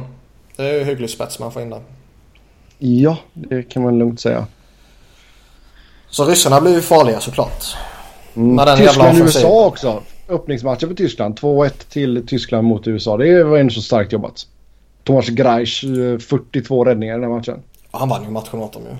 USA stänkte ju på hur mycket som helst. Det har ju inte varit dåliga på något sätt. Men det var ju han som fixade åt dem. Mm, nej, de pulveriserade ju Danmark 7-2. Sen slog man Sverige 4-3. Så Italien 3-0 här senast. Men det roligaste med allting i hela VM det är ju Tyson Barrys skada. Mm, vad hände där egentligen? De hade brottats eller bråkat på hotellrummet liksom. Skojbråket alltså? ja, jag vet inte men det får man ju förutsätta. De, de låg, de låg och kollade på sån här WWE som wrestling i USA. Men de, bara, kolla här nu vad jag kan göra. Men de har väl, eh, ja så småbråkar de på något sätt för jag, jag, ja, jag kan inte tänka mig att det är ett riktigt slagsmål liksom. Det skulle, det skulle, det skulle kommit ut om det skulle varit rallarslagsmål. Utan mm. de har väl eh, tramspråkat som alla... Män gör men framförallt i lag liksom. Ja. ja. man gör på det sättet liksom. Och så... Man mäter kuk i muskelmassa. ja. Och så har men det har väl alla gjort en gång. Ja, och, och så har han... Ja, det är klart. Och så har han ju fått någon uh, leg laceration och sådär. Vad är det egentligen? Är det någon sträckning eller? Är det... Nej, nej, alltså det är alltså att han har fått ett skärsår. Laceration. Mm. Och, uh... Det är en sån här jobbig skada för det är bara så här, ja, läkt liksom. så här, det, är, det är ingen mm. som är trasigt egentligen. Bara att det... Och det är ju... Jag vet inte om han var tvungen att sy eller någonting. Det, är, jag har ingen aning om. Ingen aning. Men det, det är en sån där grej som är det är dråpligt komiskt liksom. Det är inte så att jag sitter och njuter av att en spelare är skadad trots att jag tror att många tror det om mig. Ja. Eh, men, men sådana där grejer är dråpliga, lustiga skador. Man, man, kan ju inte låta bli att garva åt dem liksom. Mm. Eh, det blir bara 3-2 för Kanada mot Frankrike här nu i senaste matchen. Ja, och det är här det faktiskt blir lite skoj. Och det var ju som någon skrev på lite halvt skämt, halvt allvar. Liksom att okej, okay, kvällen innan så Tyson Barry får liksom ett skärsår i benet. Eh, dagen efter går Kanada ut och spelar mediokert mot Frankrike och vinner precis eh, jätteknappt liksom. Vad fan hände på det där hotellrummet? Mm. Eh, nu Kan, tror jag det, nu, kan, det vara, kan det varit alkohol involverat? nu, eh, nu tror jag vi har bara Spekulerar vi det. vilt. Nu, vi? Ah, du är med. Jag bakar in oss allihopa här nu. Nej, helvete heller. Ehm, nej, men fan att ett lag går och vinner knappt mot ett mindre lag. Det sker ju i varenda VM liksom. Det är ju ingen med det. Nej. Så det, Men, eh, det, det är ju att förstora upp en eh, dråplig situation bara är jag helt övertygad om. Mm. Men eh, ja. Kanada har ju sett bra ut ju. De har ju haft en Ja. superrolig kedja med Point, Marner och Connectney. Eh, pojkkedjan som har ju sett hur rolig ut som helst. Mm, backparen i matchen mot Frankrike var Jason Demers med Vlasic, eh, Dehan med Lee och Morrissey med Matheson. Ja, kommer få in eh, Carlton Pareko nu också och det är en bra boost för dem. Oh ja, rätt, in i, an- rätt in i andra paret. Dra ersättare till eh, Tyson. Oh ja. Nej, Pareko var klar innan dess tror jag. Så det är Chris han Lee blir som... en bra ersättare han- till. Ja, du menar så. Ja. Men det var Chris Lee som de reggade istället för Barry. ja. Någonting annat vi vill säga från VM, Niklas? Finns det någon rolig spelare som man ska hålla ett extra öga på i någon av de mindre nationerna? Dreisaitl nu självklart såklart, men Jo. Um, alltså jag hade ju smått och gott i Frankrike till exempel. en av VMs största stjärnor. Ja. Enligt, Express, enligt Expressen, Bellemare. Ja. Ja, och det är inte jag som är ironisk alltså. Men en sån där som liksom Stefan da Costa har ju gått in och varit eh, rätt bra i det här mästerskapet. Och folk har ju liksom, ja, borde inte han kunna hålla NHL-nivå? Mm. Och det kan man ju tycka att han borde. Finns det någon från eh, svenska laget som du tror bör hålla NHL-nivå av de som inte är från NHL? Ja, Victor Hedman tror jag mycket på. Han kan bli bra. Han kan bli bra. Han kan bli bra på riktigt. Mm. Ja. Eh, nej men alltså svenska... Nej. Det, eller, ja, det är klart Viktor Fast kan ju vara en bra andra målvakt i NHL liksom. Och släng in uh, Klingberg, Karl alltså. Eh, I en fjärde kedja så kommer väl han åka runt där. Ge Omar chansen kanske han funkar helt. Men alltså Joma chansen på riktigt. Ja. Men svenska laget är ju, jag tycker de har varit direkt dåliga. Eh, Och det visar väl resultaten också. Mm. Jag tycker de Eh, har, förlåt. så fort de har mött de andra två bra lagen, Ryssland och USA, så har de haft problem ju. blev 2-0 seger mot Lettland i, idag. Däremot blir det ju jävligt intressant nu när Henke Lundqvist kommer in. Han, han kommer ju ge en ny dimension till laget ju. Och vad det verkar som kommer ju Niklas Bäckström också. Mm. Det var väl bara läkarundersökning som uh, återstod för Bäckis där. Ja. Så får vi hoppas att han har rätt allergimedicin och allting med sig också. ja. Fast det verkar inte vara problem när det är i VM. Det var väl när det var OS det var annorlunda grejer. Ja, Ja. IOK är med och Mm. Fascister. Ehm, man, tar, man tar sig an Italien här nu imorgon på fredagen. Ehm, sen är inte nästa match förrän på söndag. Tror vi att uh, Henke kan vara i kassan på söndag när man möter Danmark? Han har själv sagt att han ska vara det så det tror jag. Bra. Om jag blir uttagen. Ja. Klassiker. Nej, du får komma och sitta på läktaren. Men det, det är Det rätt... har gjort det bra. Ja. Ja, men det är ju ändå så någonting som jag tror kan höja hela, alltså hela liksom, självförtroendet i laget. Ja men Det herregud. Alltså, han har haft en liten halvdan säsong med hans mått mätt. Men det är ju ändå en jätteförstärkning liksom. Och Mm. Viktor Fast är ju... Ja, han är en okej målvakt på eh, Europanivå om man säger så. Men Inte på den här nivån att göra faktiskt. nej, och, och liksom ska man utmana Kanada, Ryssland och USA och det så kan man göra det med Viktor Fast liksom. Jag vet fan. Mm. Just nu i grupp A då så har vi Ryssland i topp med 11 pinnar, USA 2 9, Lettland 3 med 9, Sverige 4 med 7 och så Tyskland 5 med 5. Um, Lettland har dock USA och Ryssland kvar att spela. Medan Tyskland spelar mot Danmark, Italien och vilka har de sen? Uh, Lettland. Så den matchen kan ju bli direkt avgörande. Ja. För Sverige bör väl ändå så gå och vinna sina matcher mot Italien, Danmark och Slovakien. Man tycker det ju. Men å andra sidan så har de inte sett bra ut hittills. Italien ska man ju slå på ren rutin bara ju. Det ska man inte behöva anstränga sig för såklart. Det ska väl nästan bli Rysslands siffror där va? 10-1. Det kommer det ju inte bli för Sverige är ju inte det laget känns det som. Ryssland har ju... Ja, är det 7 då eller? Ja. Nej men det blev som det blev mot uh, Tyskland liksom 7-2 eller något sånt Ja. Eller 7-1 eller 6-0 och sånt där känns rimligt.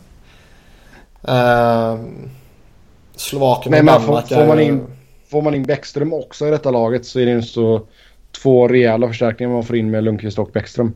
Ja, Så... Mm, och det behövs ju. Ja. För offensiv, ju offensiven har ju inte... De hade väl guldförväntningar på sig innan de kom redan. Kan jag tycka de borde ha. Med tanke på vilket backbesättningar de har tillgång till. Eh, och Bäckström behövs ju verkligen. För uh, forwardsbesättningen är ju inte på den nivån som de andra lagen så här. La, laget är ju extremt baktungt. Oh ja. Oh ja, man har ju VMs bästa backuppsättning på pappret utan Ja. tvekan. Ja. Eh, Oliver Ekman Larsson är ute sjuk nu så Filip Holm fick eh, göra VM-debut. Bobby Växjö, Holm. Le- Växjö Lakers-spelaren. Tyckte du att han skötte sig Niklas? Ja, han var väl inte dålig. Han var väl inte superbra heller. Mm. Fick spela ihop med Brodin. Det är väl en schysst resa han har gjort liksom. Mm. Uh, lämnar väl Djurgården och så blir han bra. Ooh, shots fired. Men jag, jag tycker också det är... eh,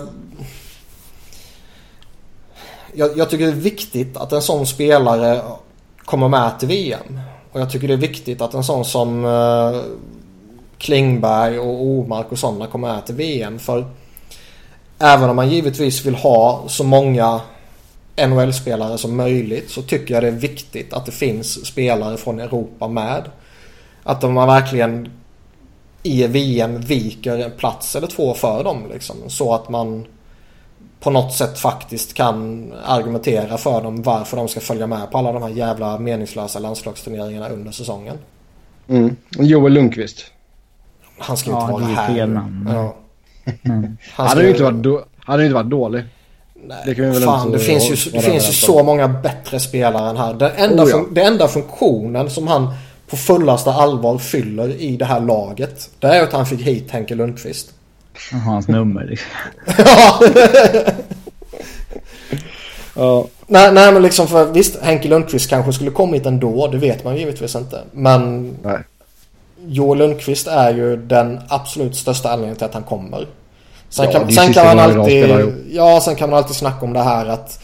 Ja, men vi vet inte hur det blir med OS. Det kan vara skoj att spela i landslaget och så vidare och så vidare. Men Ja. det är ju brorsan som lockar över honom liksom. Ja. Och, Joel textar Henrik och så Henrik svarar New phone who this. Sen är det liksom kaptensrollen liksom. Jag, jag tror ju liksom att rollen som lagkapten tror jag nog ändå är grovt överskattad. Och jag tror inte det spelar någon som helst roll för det här lagets framgång om det är Joel Lundqvist eller om det är Hedman eller om det är Landeskog eller om det är Viktor Rask som är lagkapten liksom. Mm. För jag tror alla kommer, Joel Lundqvist tror jag kommer uppträda mer eller mindre likadant oavsett om han är ett C eller inte på bringan. Och Viktor Hedman kommer uppträda likadant och Landeskog uppträder likadant. Liksom. Det är jag helt övertygad om. Däremot är ju symboliken i vem som får C ett väldigt stort tycker jag. Mm. Och- Alltså Landeskog tycker jag ändå så har stuckit ut positivt. Ja, han har varit duktig. Nylander är alltid Ja. rolig att titta på. Både Lindholm och Rask tycker jag sett bra ut. Men Mm. liksom, nu får man ändå in Bäckström som är eh, en av NHLs bättre playmakers. Mm. Är det klart nu med Bäckis? Nej, det är inte officiellt. Men han vill och han ska bara avvakta läkarundersökningen. Och, mm. Då känns det väl då, som att det är klart. Alltså, liksom. Pillar du in honom bredvid Kryger och Omark då så kickar du ner Söderberg och så får Nordström sitta på läktaren. Du är ju ett extremt... Kryger med Bäckström. Ja, jag tänkte säga det. Extremt, extremt meningslöst att... Eller liksom, du utnyttjar ju inte vad han är bra på om du sätter han med sådana spelare. Men vill du bryta upp den kedjan med Lindholm, Rask och Landeskog? För den är ju inte så den som har fungerat bäst.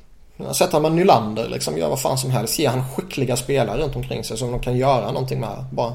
Ja. Sen kan ju Omark vara tredje länken, det kan han ju vara. Ja. Han har ju fortfarande så pass mycket skills att han kommer kunna producera i den omgivningen. Oh ja, oh ja. Men att sätta honom med liksom Kryg, sätta Bäckström och Kryger i samma kedja gör ju att du tar bort bådas styrkor typ. Mm. Ja, Kryger han... kommer inte kunna spela försvarsspel om Beck är sådär förstörd. Nej! om Kryger måste vara i offensiv zon hela tiden. Men säg att du sätter honom med Eriksson, Ek och Nylander då kanske? Det skulle ja, vara skitskoj ju. Mm. Men ge han, liksom, ge, ge han värdiga kedjekamrater bara. Sätt han i fjärde kedjan med Lundqvist och Klingberg så... så Hur har, har uh, Kalle Söderberg sett ut? Eller Karl? Tycker han är tämligen medioker alltså. Ja. Mm. Signat 2020. ja. En bra business här. Alltså Landskogen så visat framfötterna och han visar att han förtjänar att spela ett bättre lag än Colorado. han, är, han, är, han är begravd i skit i Colorado. Ja. Söderberg är en av de som är skiten. Vi får se ifall han kanske kan komma bort därifrån. Vi kan ju alltid hoppas. Uh, man kan ju plocka in eh, Dustin Brown istället. Ja, då går vi in på lite övrigt här, lite nyheter. Uh, Vadim Shipashov signade med Vegas. Två år, 4,5 miljoner cap hit. Det är en sån bra get för uh, Las Vegas. Jätte, jätteroligt. Det var exakt där man ville se honom hamna också. Uh, det här kommer han få utrymme att vara the guy. Ja, snackas ju även om att man vill ha in Dadonov också som lekkamrat. De två på The Strip vet du. Oj, oj, oj. Deras eh, sajt på Cup Friendly är ju faktiskt skitrolig att titta på. Ja, vad står det nu? Uh... De har Vadim Chipachov under forwards. Ingenting under defense, ingenting under goaltenders och sen under non-roster players har de Reed Duke. ja. Um, det, det som var lite intressant här var ju att det verkar vara väldigt få lag som var redo att ge honom mer än ett år. Och att det typ var därför som han hamnade i Vegas. Vilket jag kan tycka är... Eh, på ett sätt är det väl logiskt. Men på ett sätt så känns det lite konstigt också. Vågar man inte signa upp honom på två år liksom? Ja, kanske inte. Alltså han har ju inte varit en superstjärna så länge. Nej, hon är lite smyggammal också. Han är 30 bast. Men eh, jag skulle ju inte vara skraj för att ta en chansning på två år. Nej. Mm. Ja, nej, absolut inte. Alltså på de pengarna så kanske man är det om man är ett bättre lag. Ja. Sen, sen är jag lite tudelad sådär också att å ena sidan så har han ju varit så fräsch under de här VM-turneringarna och eh, ja, i KL mot slutet här att man skulle verkligen vilja se honom i ett topplag. Och verkligen se vad han kan göra i ett riktigt bra lag. Å andra sidan nu så får man ju se honom i en framskjuten ledande roll i Vegas. Vilket man kanske inte skulle kunna göra i något annat lag då. Nej. Mm. Och, ja, han ska bli jävligt rolig att följa. Och lyckas de signa upp Dadonov så de får det radarparet eh, in i NHL också så... Alltså de två kan ju mycket väl vara den här sommarens bästa spelare som är tillgängliga. Mm. Ja, det kan bli eh, riktigt intressant. Och, och så lyckas de trada till sig Kowalczyk också. Så har de en rolig första kedja. Oh ja, sicken, eh, sicken ryssfemma. Man får in två backar också bara. Um, Nytt snack om att det fortfarande förhandlas som NHL-spelare i OS. Det är ingenting är definitivt än. Tydligen. Nej, och det var väl... Eh, jag minns inte var det kom ifrån men det var väl typ mer eller mindre sagt från IHF eller något sånt tror jag att ja, men vi pratar liksom. Mm. Sen var det ju det det, det, som var lite intressant. Jag tror det var Strålman som var ute och lipade lite i Aftonbladet att eh, det är så synd om oss. De behandlar oss som så skräp. Och spelarna fattar ju fortfarande inte vilka det är som betalar deras löner.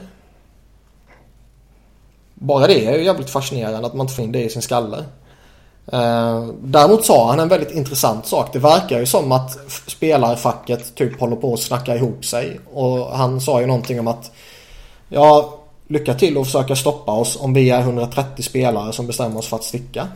Åh, det är så jävla coolt.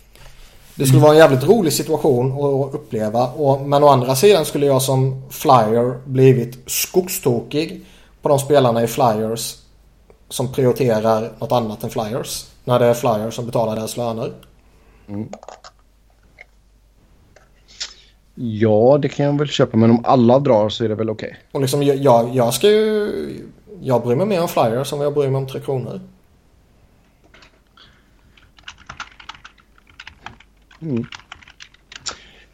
Lite kontrakt här nu också då. Eh, Nikita Zaitsev, Toronto, 7 år, 4,5 miljoner capita.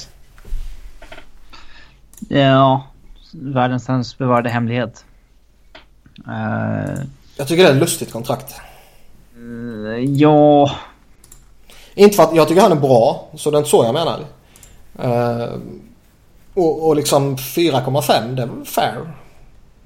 Ja, men om, tänker så här, om, om han vill ha sju år så borde han ju fått betala med att ha mycket lägre term. Ja, typ. Och någonstans liksom, ni- om, om en sån spelare ska signa upp på sju år.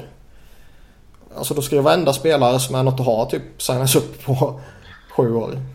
Ja. Tack gudarna för att eh, Batman och eh, Bill Daley eh, tog frågan om term limit on player contracts till eh, the hill we will die on när de snackade om senaste CBAt. Jo, det, det kan jag inte hålla med om. Att det gjorde de väl bra. Ja, både och.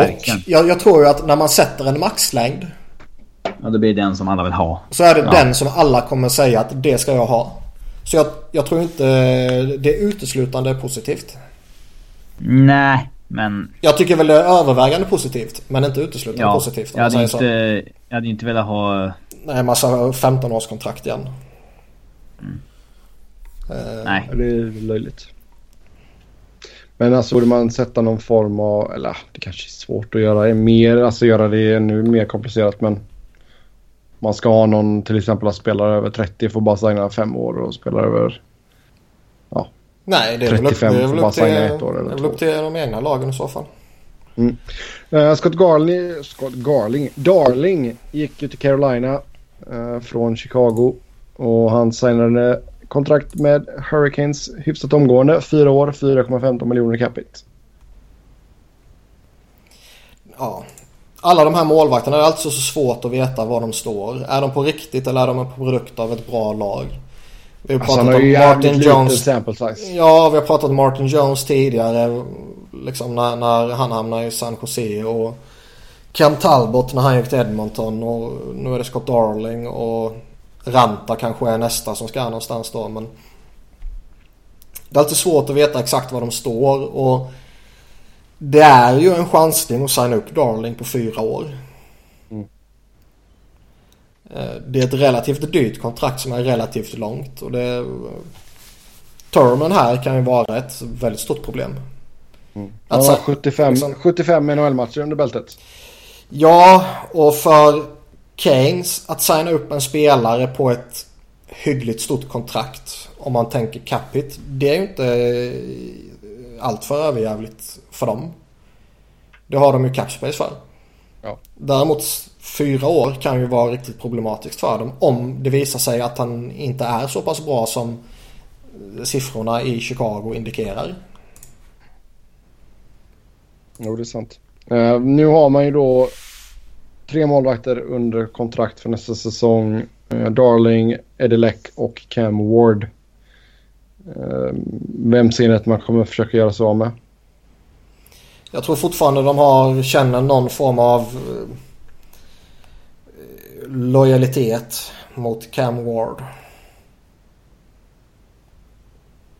Så att man då försöker behålla honom såklart.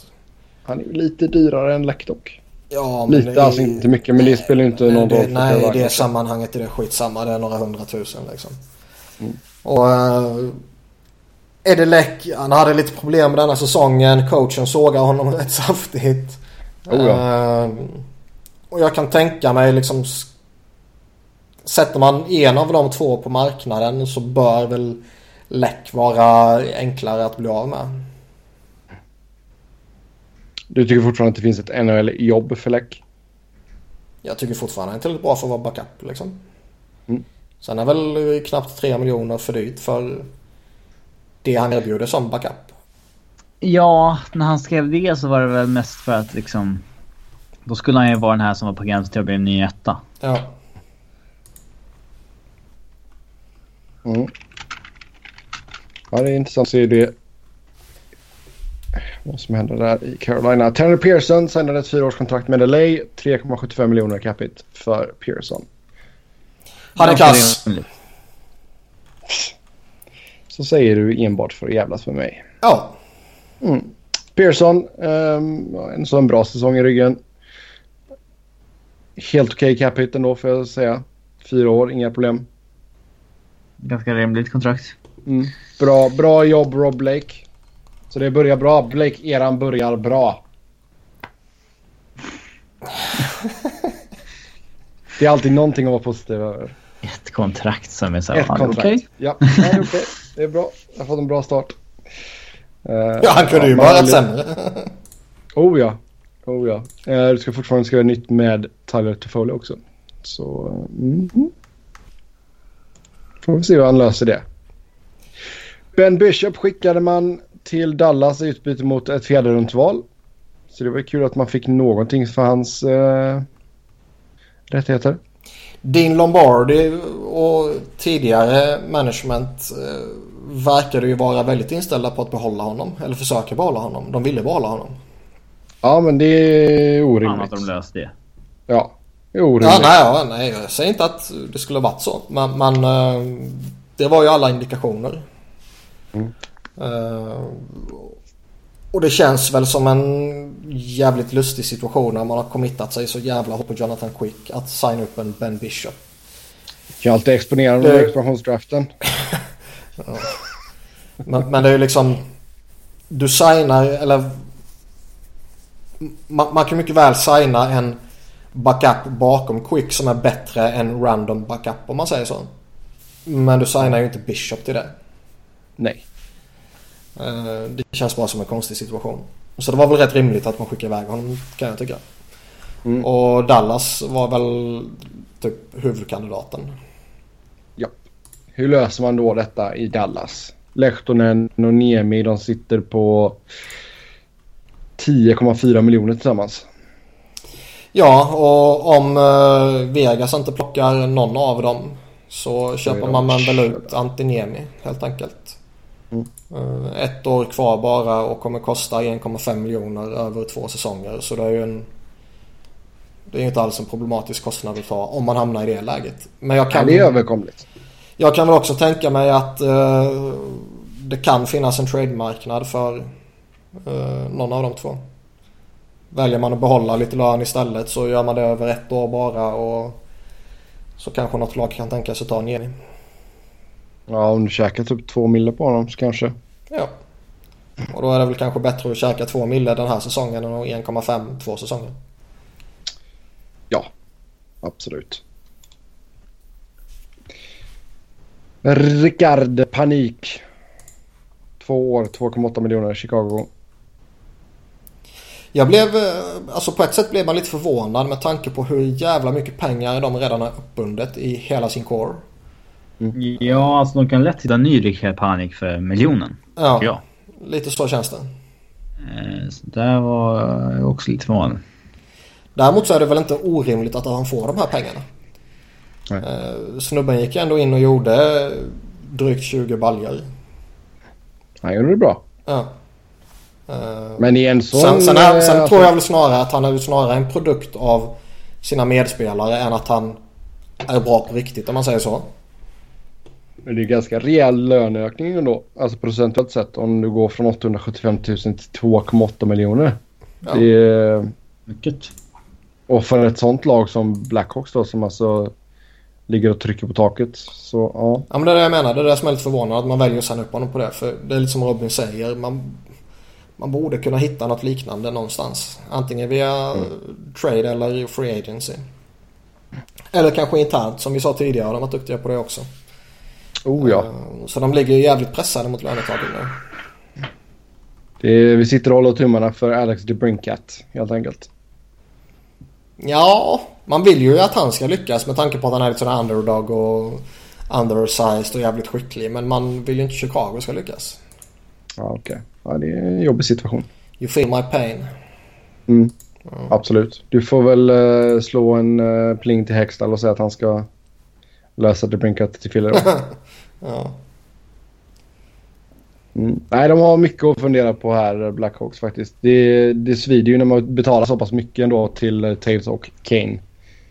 Eh, Alltså 21 miljoner bara på de två liksom. Mm. Det är ruggigt mycket pengar. Sen har du fortfarande ett långt kontrakt på Hossa.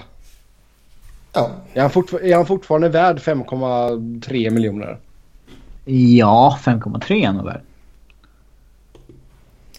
Ja, däromkring är han väl värd.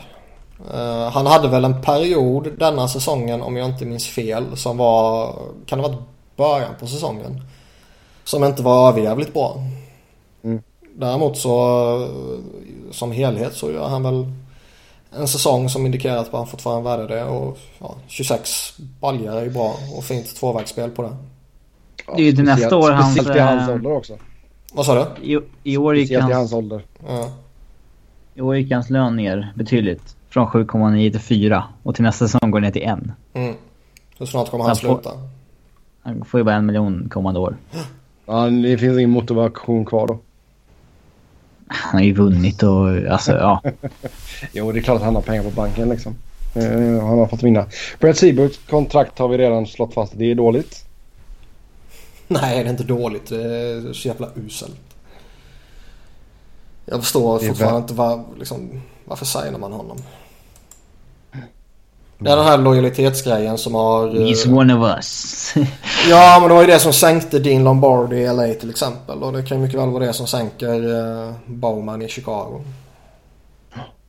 Ja, det är sant. Sen har vi fått bekräftat att Ilja Kovalchuk försöker komma tillbaka till NHL. Sägs vilja ha två till tre år med en capita på 67 miljoner. Florida, New York Islanders, New York Rangers, Montreal och LA nämns som alternativ. Um, ja, hur LA skulle få in honom, det vill jag gärna veta. För jag hade inte tackat nej till att plocka in Kowalczyk på två år på uh, sju mille. Uh, nej. Det... Jag skulle inte vara... Alltså tre år och sju miljoner. Det känns lite saftigt kanske. Ja. Eh, två år på 6 miljoner, ja det kanske är fair. Han borde fortfarande kunna göra sina baljor tycker man. Mm. Och, Ja, det är eh, intressant. Men jag menar, hur ska, hur ska Rangers få in honom till exempel? Liksom? Ja, de kan väl alltid dumpa någon. Jag vet Skicka inte. Rick, du skickar Nash och så plockar du in Kovalchuk. Ja, Eller Kovalchuk. Hur ska man uttala hans namn? Ilja. Kovalchuk eller Kovalchuk? Ilja. Ilja. Eh, alltså, det känns som det finns, så här spontant så känns det som det finns väldigt få eh, naturliga alternativ. Det var någon som nämnde Florida för att han har ett hus där nere. Eller i alla fall hade tidigare. De vet inte om han har kvar det eller inte. Okej, Eh, ja. New York lägenhet i alla fall. Ja. New York Islanders och New York Rangers nämnde de typ för att ja men han liksom han har ju varit i New York området tidigare. Och Montreal nämnde de för att det typ känns logiskt liksom och så kanske det inte händer något med Radulov och så tar de in han istället. Eh, LA vet jag faktiskt inte varför det nämndes men jag tror det var Pierre LeBrun som typ liksom ja men varför inte LA typ. Ja, varför inte? Varför inte? Nej men alltså om Jagger lämnar Florida också så... Snacket går ju att de vill ha båda två. Åh vad sexigt. Samma kedja. Samma kedja. Sen han, jag, ja, det har varit gott. Jag, jag, tror ju verkligen att han kan gå in och göra sina mål och även om han har blivit lite äldre och lite sämre och sådär så borde han ändå kunna göra minst 20-25 mål liksom. Mm. Uh, mm. det känns ju som att han... Uh, han sabbade för sig själv när han valde att flytta tillbaka till Ryssland. Däremot är det ju intressant också att uh, om han väntar ett år att komma tillbaka så kommer han ju mm. tillbaka som en riktig UFA så att säga. Ett år bara? Ja, 35 bast. Aha. Så han skulle ju kunna gå tillbaka till KHL, signa ett år där, spela OS och så vidare och så vidare och sen komma och välja helt fritt nästa år om han inte hittar något som passar nu eller om eh, New Jersey liksom att vad fan ska vi trada dig för? Du pissade mm. på oss, nu bryr inte vi oss om det. Å andra, jo, men... å andra sidan så är det här liksom chansen för New Jersey att faktiskt få någonting för honom. Exakt. Ja, och... Där måste du ändå så, där får du lägga undan att du kanske har en personlig beef med honom. Ja. Och tänka liksom det är inte Lewis som styr det heller. Alltså det är ändå en ny GM. Mm. Det var inte ja. Cheryl som blev ja, exakt. svikt om man vill använda det uttrycket. Däremot verkar ju de flesta vara rätt så överens om att han vill inte till Devils. Ja, men det kan jag väl ändå så förstå. Ja, det är klart. ja. Uh, New York Islanders sägs vara redo att erbjuda John Tavares 8 år 10 miljoner i capita. Ja, ja, det, väl... det bör man vara. Ja, och det är väl ett rimligt kontrakt också. Alltså... Titta på någon form av likvärdig spelare som har signat i Kopitar och Jamie Benn till exempel. Och all, båda de två tog ju rygg på Kane och Toews. Så då ska väl ja. Tavares göra samma typ. Absolut. Och jag menar Islanders ska ju bara ge honom en blank check mer eller mindre. Uh, för tappar man honom då, ja. Kan man lägga ner hela skiten. Ja, mindre. och de är ju i ett läge nu där de antingen tradar eller signar. Mm. Uh, då ska vi... Uh, ja, vi kan säga att Jason Botterill har gått och blivit ny GM i Buffalo också.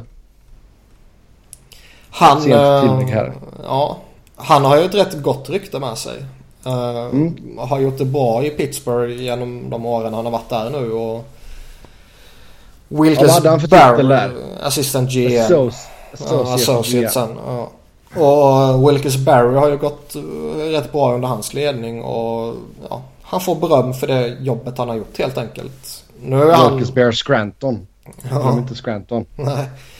Nu, nu är han långt ifrån den första eh, assistant GM som får beröm och som flyttar vidare och som sen kanske inte är så jävla bra. Men eh, ja.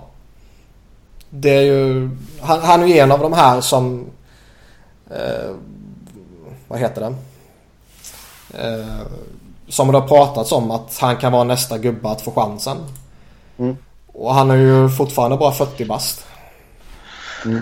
Spelade lite, ska vi se, säsongen 2002, 2003 och 3, 4 då var han ju Savers. En former first rounder som gjorde 80 NHL-matcher eller någonting. Ja. Spenderade även tid i Orlando Solar Bears i IHL. Det är fint. Det är riktigt snyggt. Jag undrar hur deras tröja ser ut. uh, riktigt skön logga har de. En isbjörn med som håller i en klubba och eh, solbriller har han på sig också. Riktigt snyggt faktiskt. Spännande. Det gillar vi. Ja. Så ja, vi får se vad han kan hitta på där i Buffalo. Um, Philadelphia nu då. Man sägs vara sugna på att ta in Dean Lombardi i någon roll. Det är väl inte helt fel att ta in någon sån i någon sorts senior advisor roll liksom. Alltså grejen är att... Kontor bara. Så länge han inte sitter på någon form av makt och någon form av bestämmande rätt. Mm. Så är det ju liksom, så överreagerar man ju om man får panik liksom. Jo. Uh, däremot Men vill, så... du, vill du att han ska gå in och vara bollplank åt Hextall liksom? Alltså grejen är att det kan, alltså ytterligheter kan ju komplettera varandra bra. Uh, och, och liksom bevisligen så har de ju samarbetat väl tidigare. Så det, mm liksom, nu tycker jag ju att han har en förlegad bild av hockeyn. Han har inte hängt med i utvecklingen.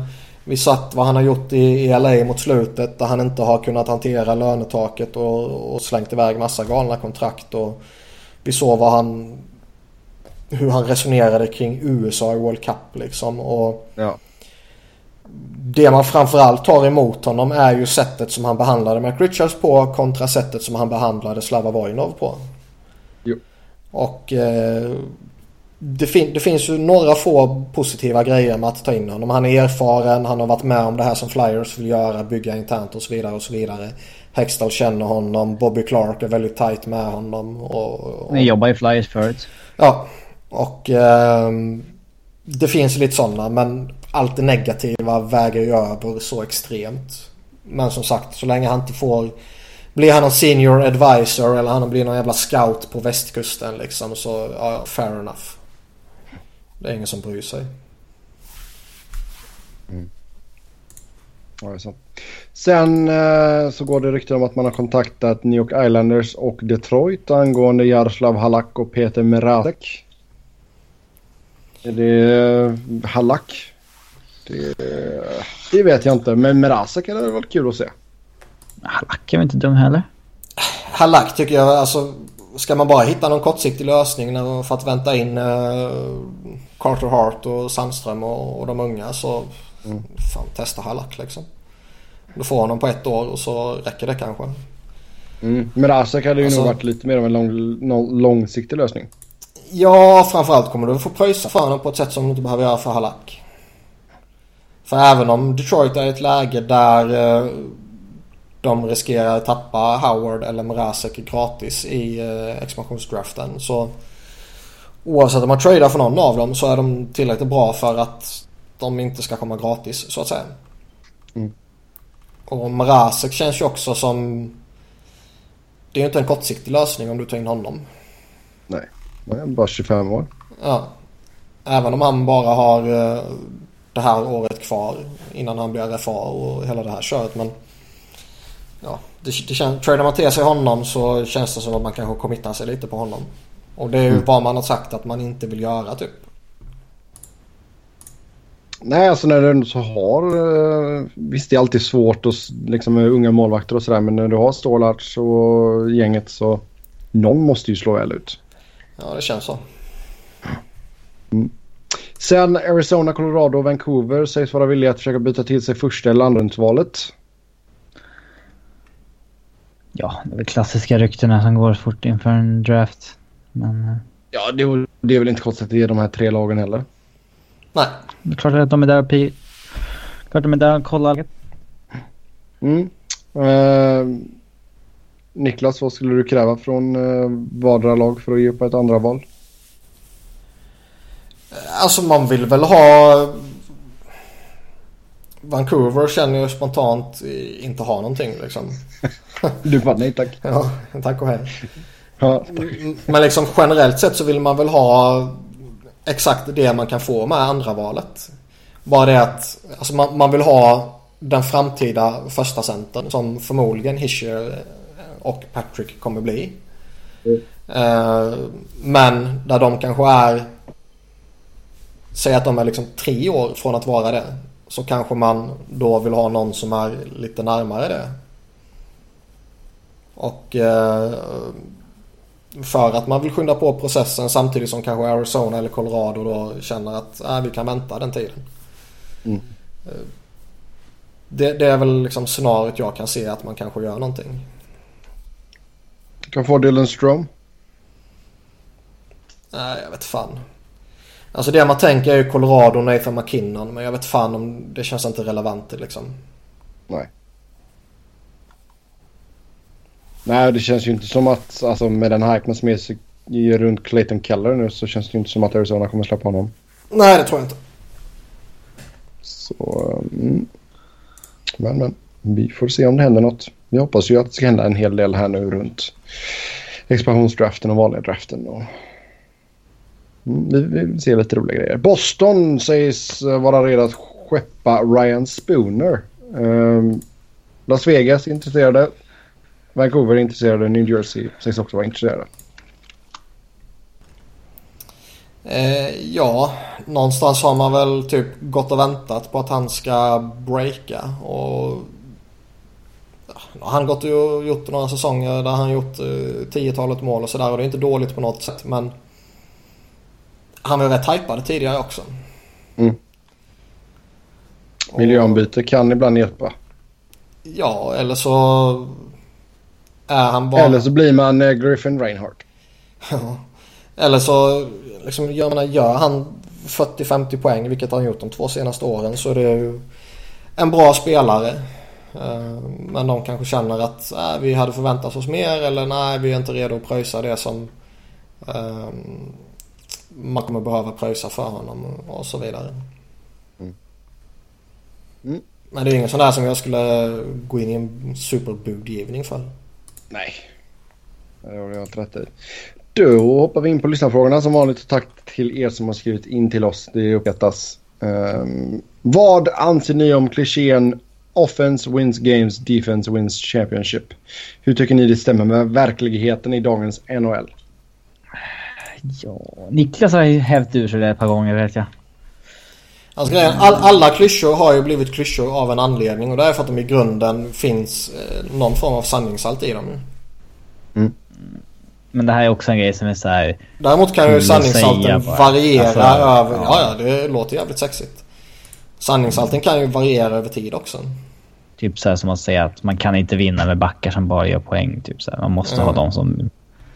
Som att det är nackdel att göra poäng. Typ. Man måste ha några som är dåliga offensivt. Ja, exakt. exakt. Eh, eh, ja. Nej, alltså du kommer du kom inte vinna ett mästerskap utan en bra offensiv. Nej, så är det. Räcker om du vinner varje match med 1-0. Men det gör det ju inte. Det går inte. För ho hockey, hockeyn är ju att eh, liksom, även om du är, gör en dålig match så är ju hockeyn så pass intensiv, så pass liten yta att du alltid kommer få målchanser. Och du kommer alltid kunna få något powerplay och du kommer alltid kunna gnugga fast på något jävla sätt och få någon ströchans och lite det är mycket slump involverat också. Målvakt som är skymd och som inte ser och så studsar den in genom att den studsar på benskyddet på en back och sen ryggen på en forward och i, via målvaktens klubba in i mål liksom. Ja. Uh, så man, man, man, kan ju inte liksom bygga ett lag utan offensiv för att vinna cupen liksom. Mm. Sen hjälper det alltid när man har en het målvakt. Det har vi ju sett många gånger.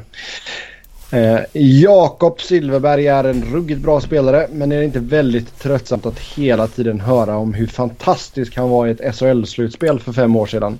Tycker svensk media hela tiden tjatat om detta. Sällan att de tjatar om andra för detta SHL-spelare på detta viset. Hur mycket fokus ska det, lägga, ska det läggas på prestationen från SHL? Nej men alltså en stor del av svenska media följer ju inte NHL liksom. Så den relationen de har till Silverberg är ju Brynäs guldår där. Mm. Och då var han ju genuint superbra. Powerhouse. Så det är väl inte så värst lustigt att det fortfarande nämns kan jag tycka. Däremot... Men hur ofta nämns det verkligen då? Nej men det nämns ju lite här och där. Det överdrivs kanske lite i frågan här men det kanske han gör för att göra en poäng av det hela liksom. Ja. Men jag tycker man hör det lite här och där. Det håller jag med om. Och vad han gjorde 2012 är ju typ helt ointressant 2017 kan jag tycka. Oh ja. Det är mer relevant att han har gjort bra säsonger i Anaheim här mot slutet. Och, mm. och gjort bra poäng i slutspel och så vidare än vad han gjorde för fem år sedan. Ja, det är klart. Alltså jag, jag kan köpa om man gör det första året han gör liksom. Jo. Så ja. Mm. Eh, det påstås av en journalist att HV71 skulle besegra USAs VM-lag. Hur ser ni på detta? Lika rimligt som att Skellefteå skulle besegra Columbus eller vad fan det var. Ja, vi kan det. Samma journalist som skrev det skrev ju ikväll att man lika gärna kan boka guldfesten redan nu. Eh, för att Henke ska komma. Så att eh, det svänger snabbt. Stor, stora saltkaret här. Det känns som att det är the sun-varning på det nästan. Det är ju sämre än Desan. Alltså, Nej, HV skulle inte ha en chans mot USAs VM-lag. nej. Det var med 6-2 om de var fokuserade enligt texten. Vaga det är en scoreline ändå.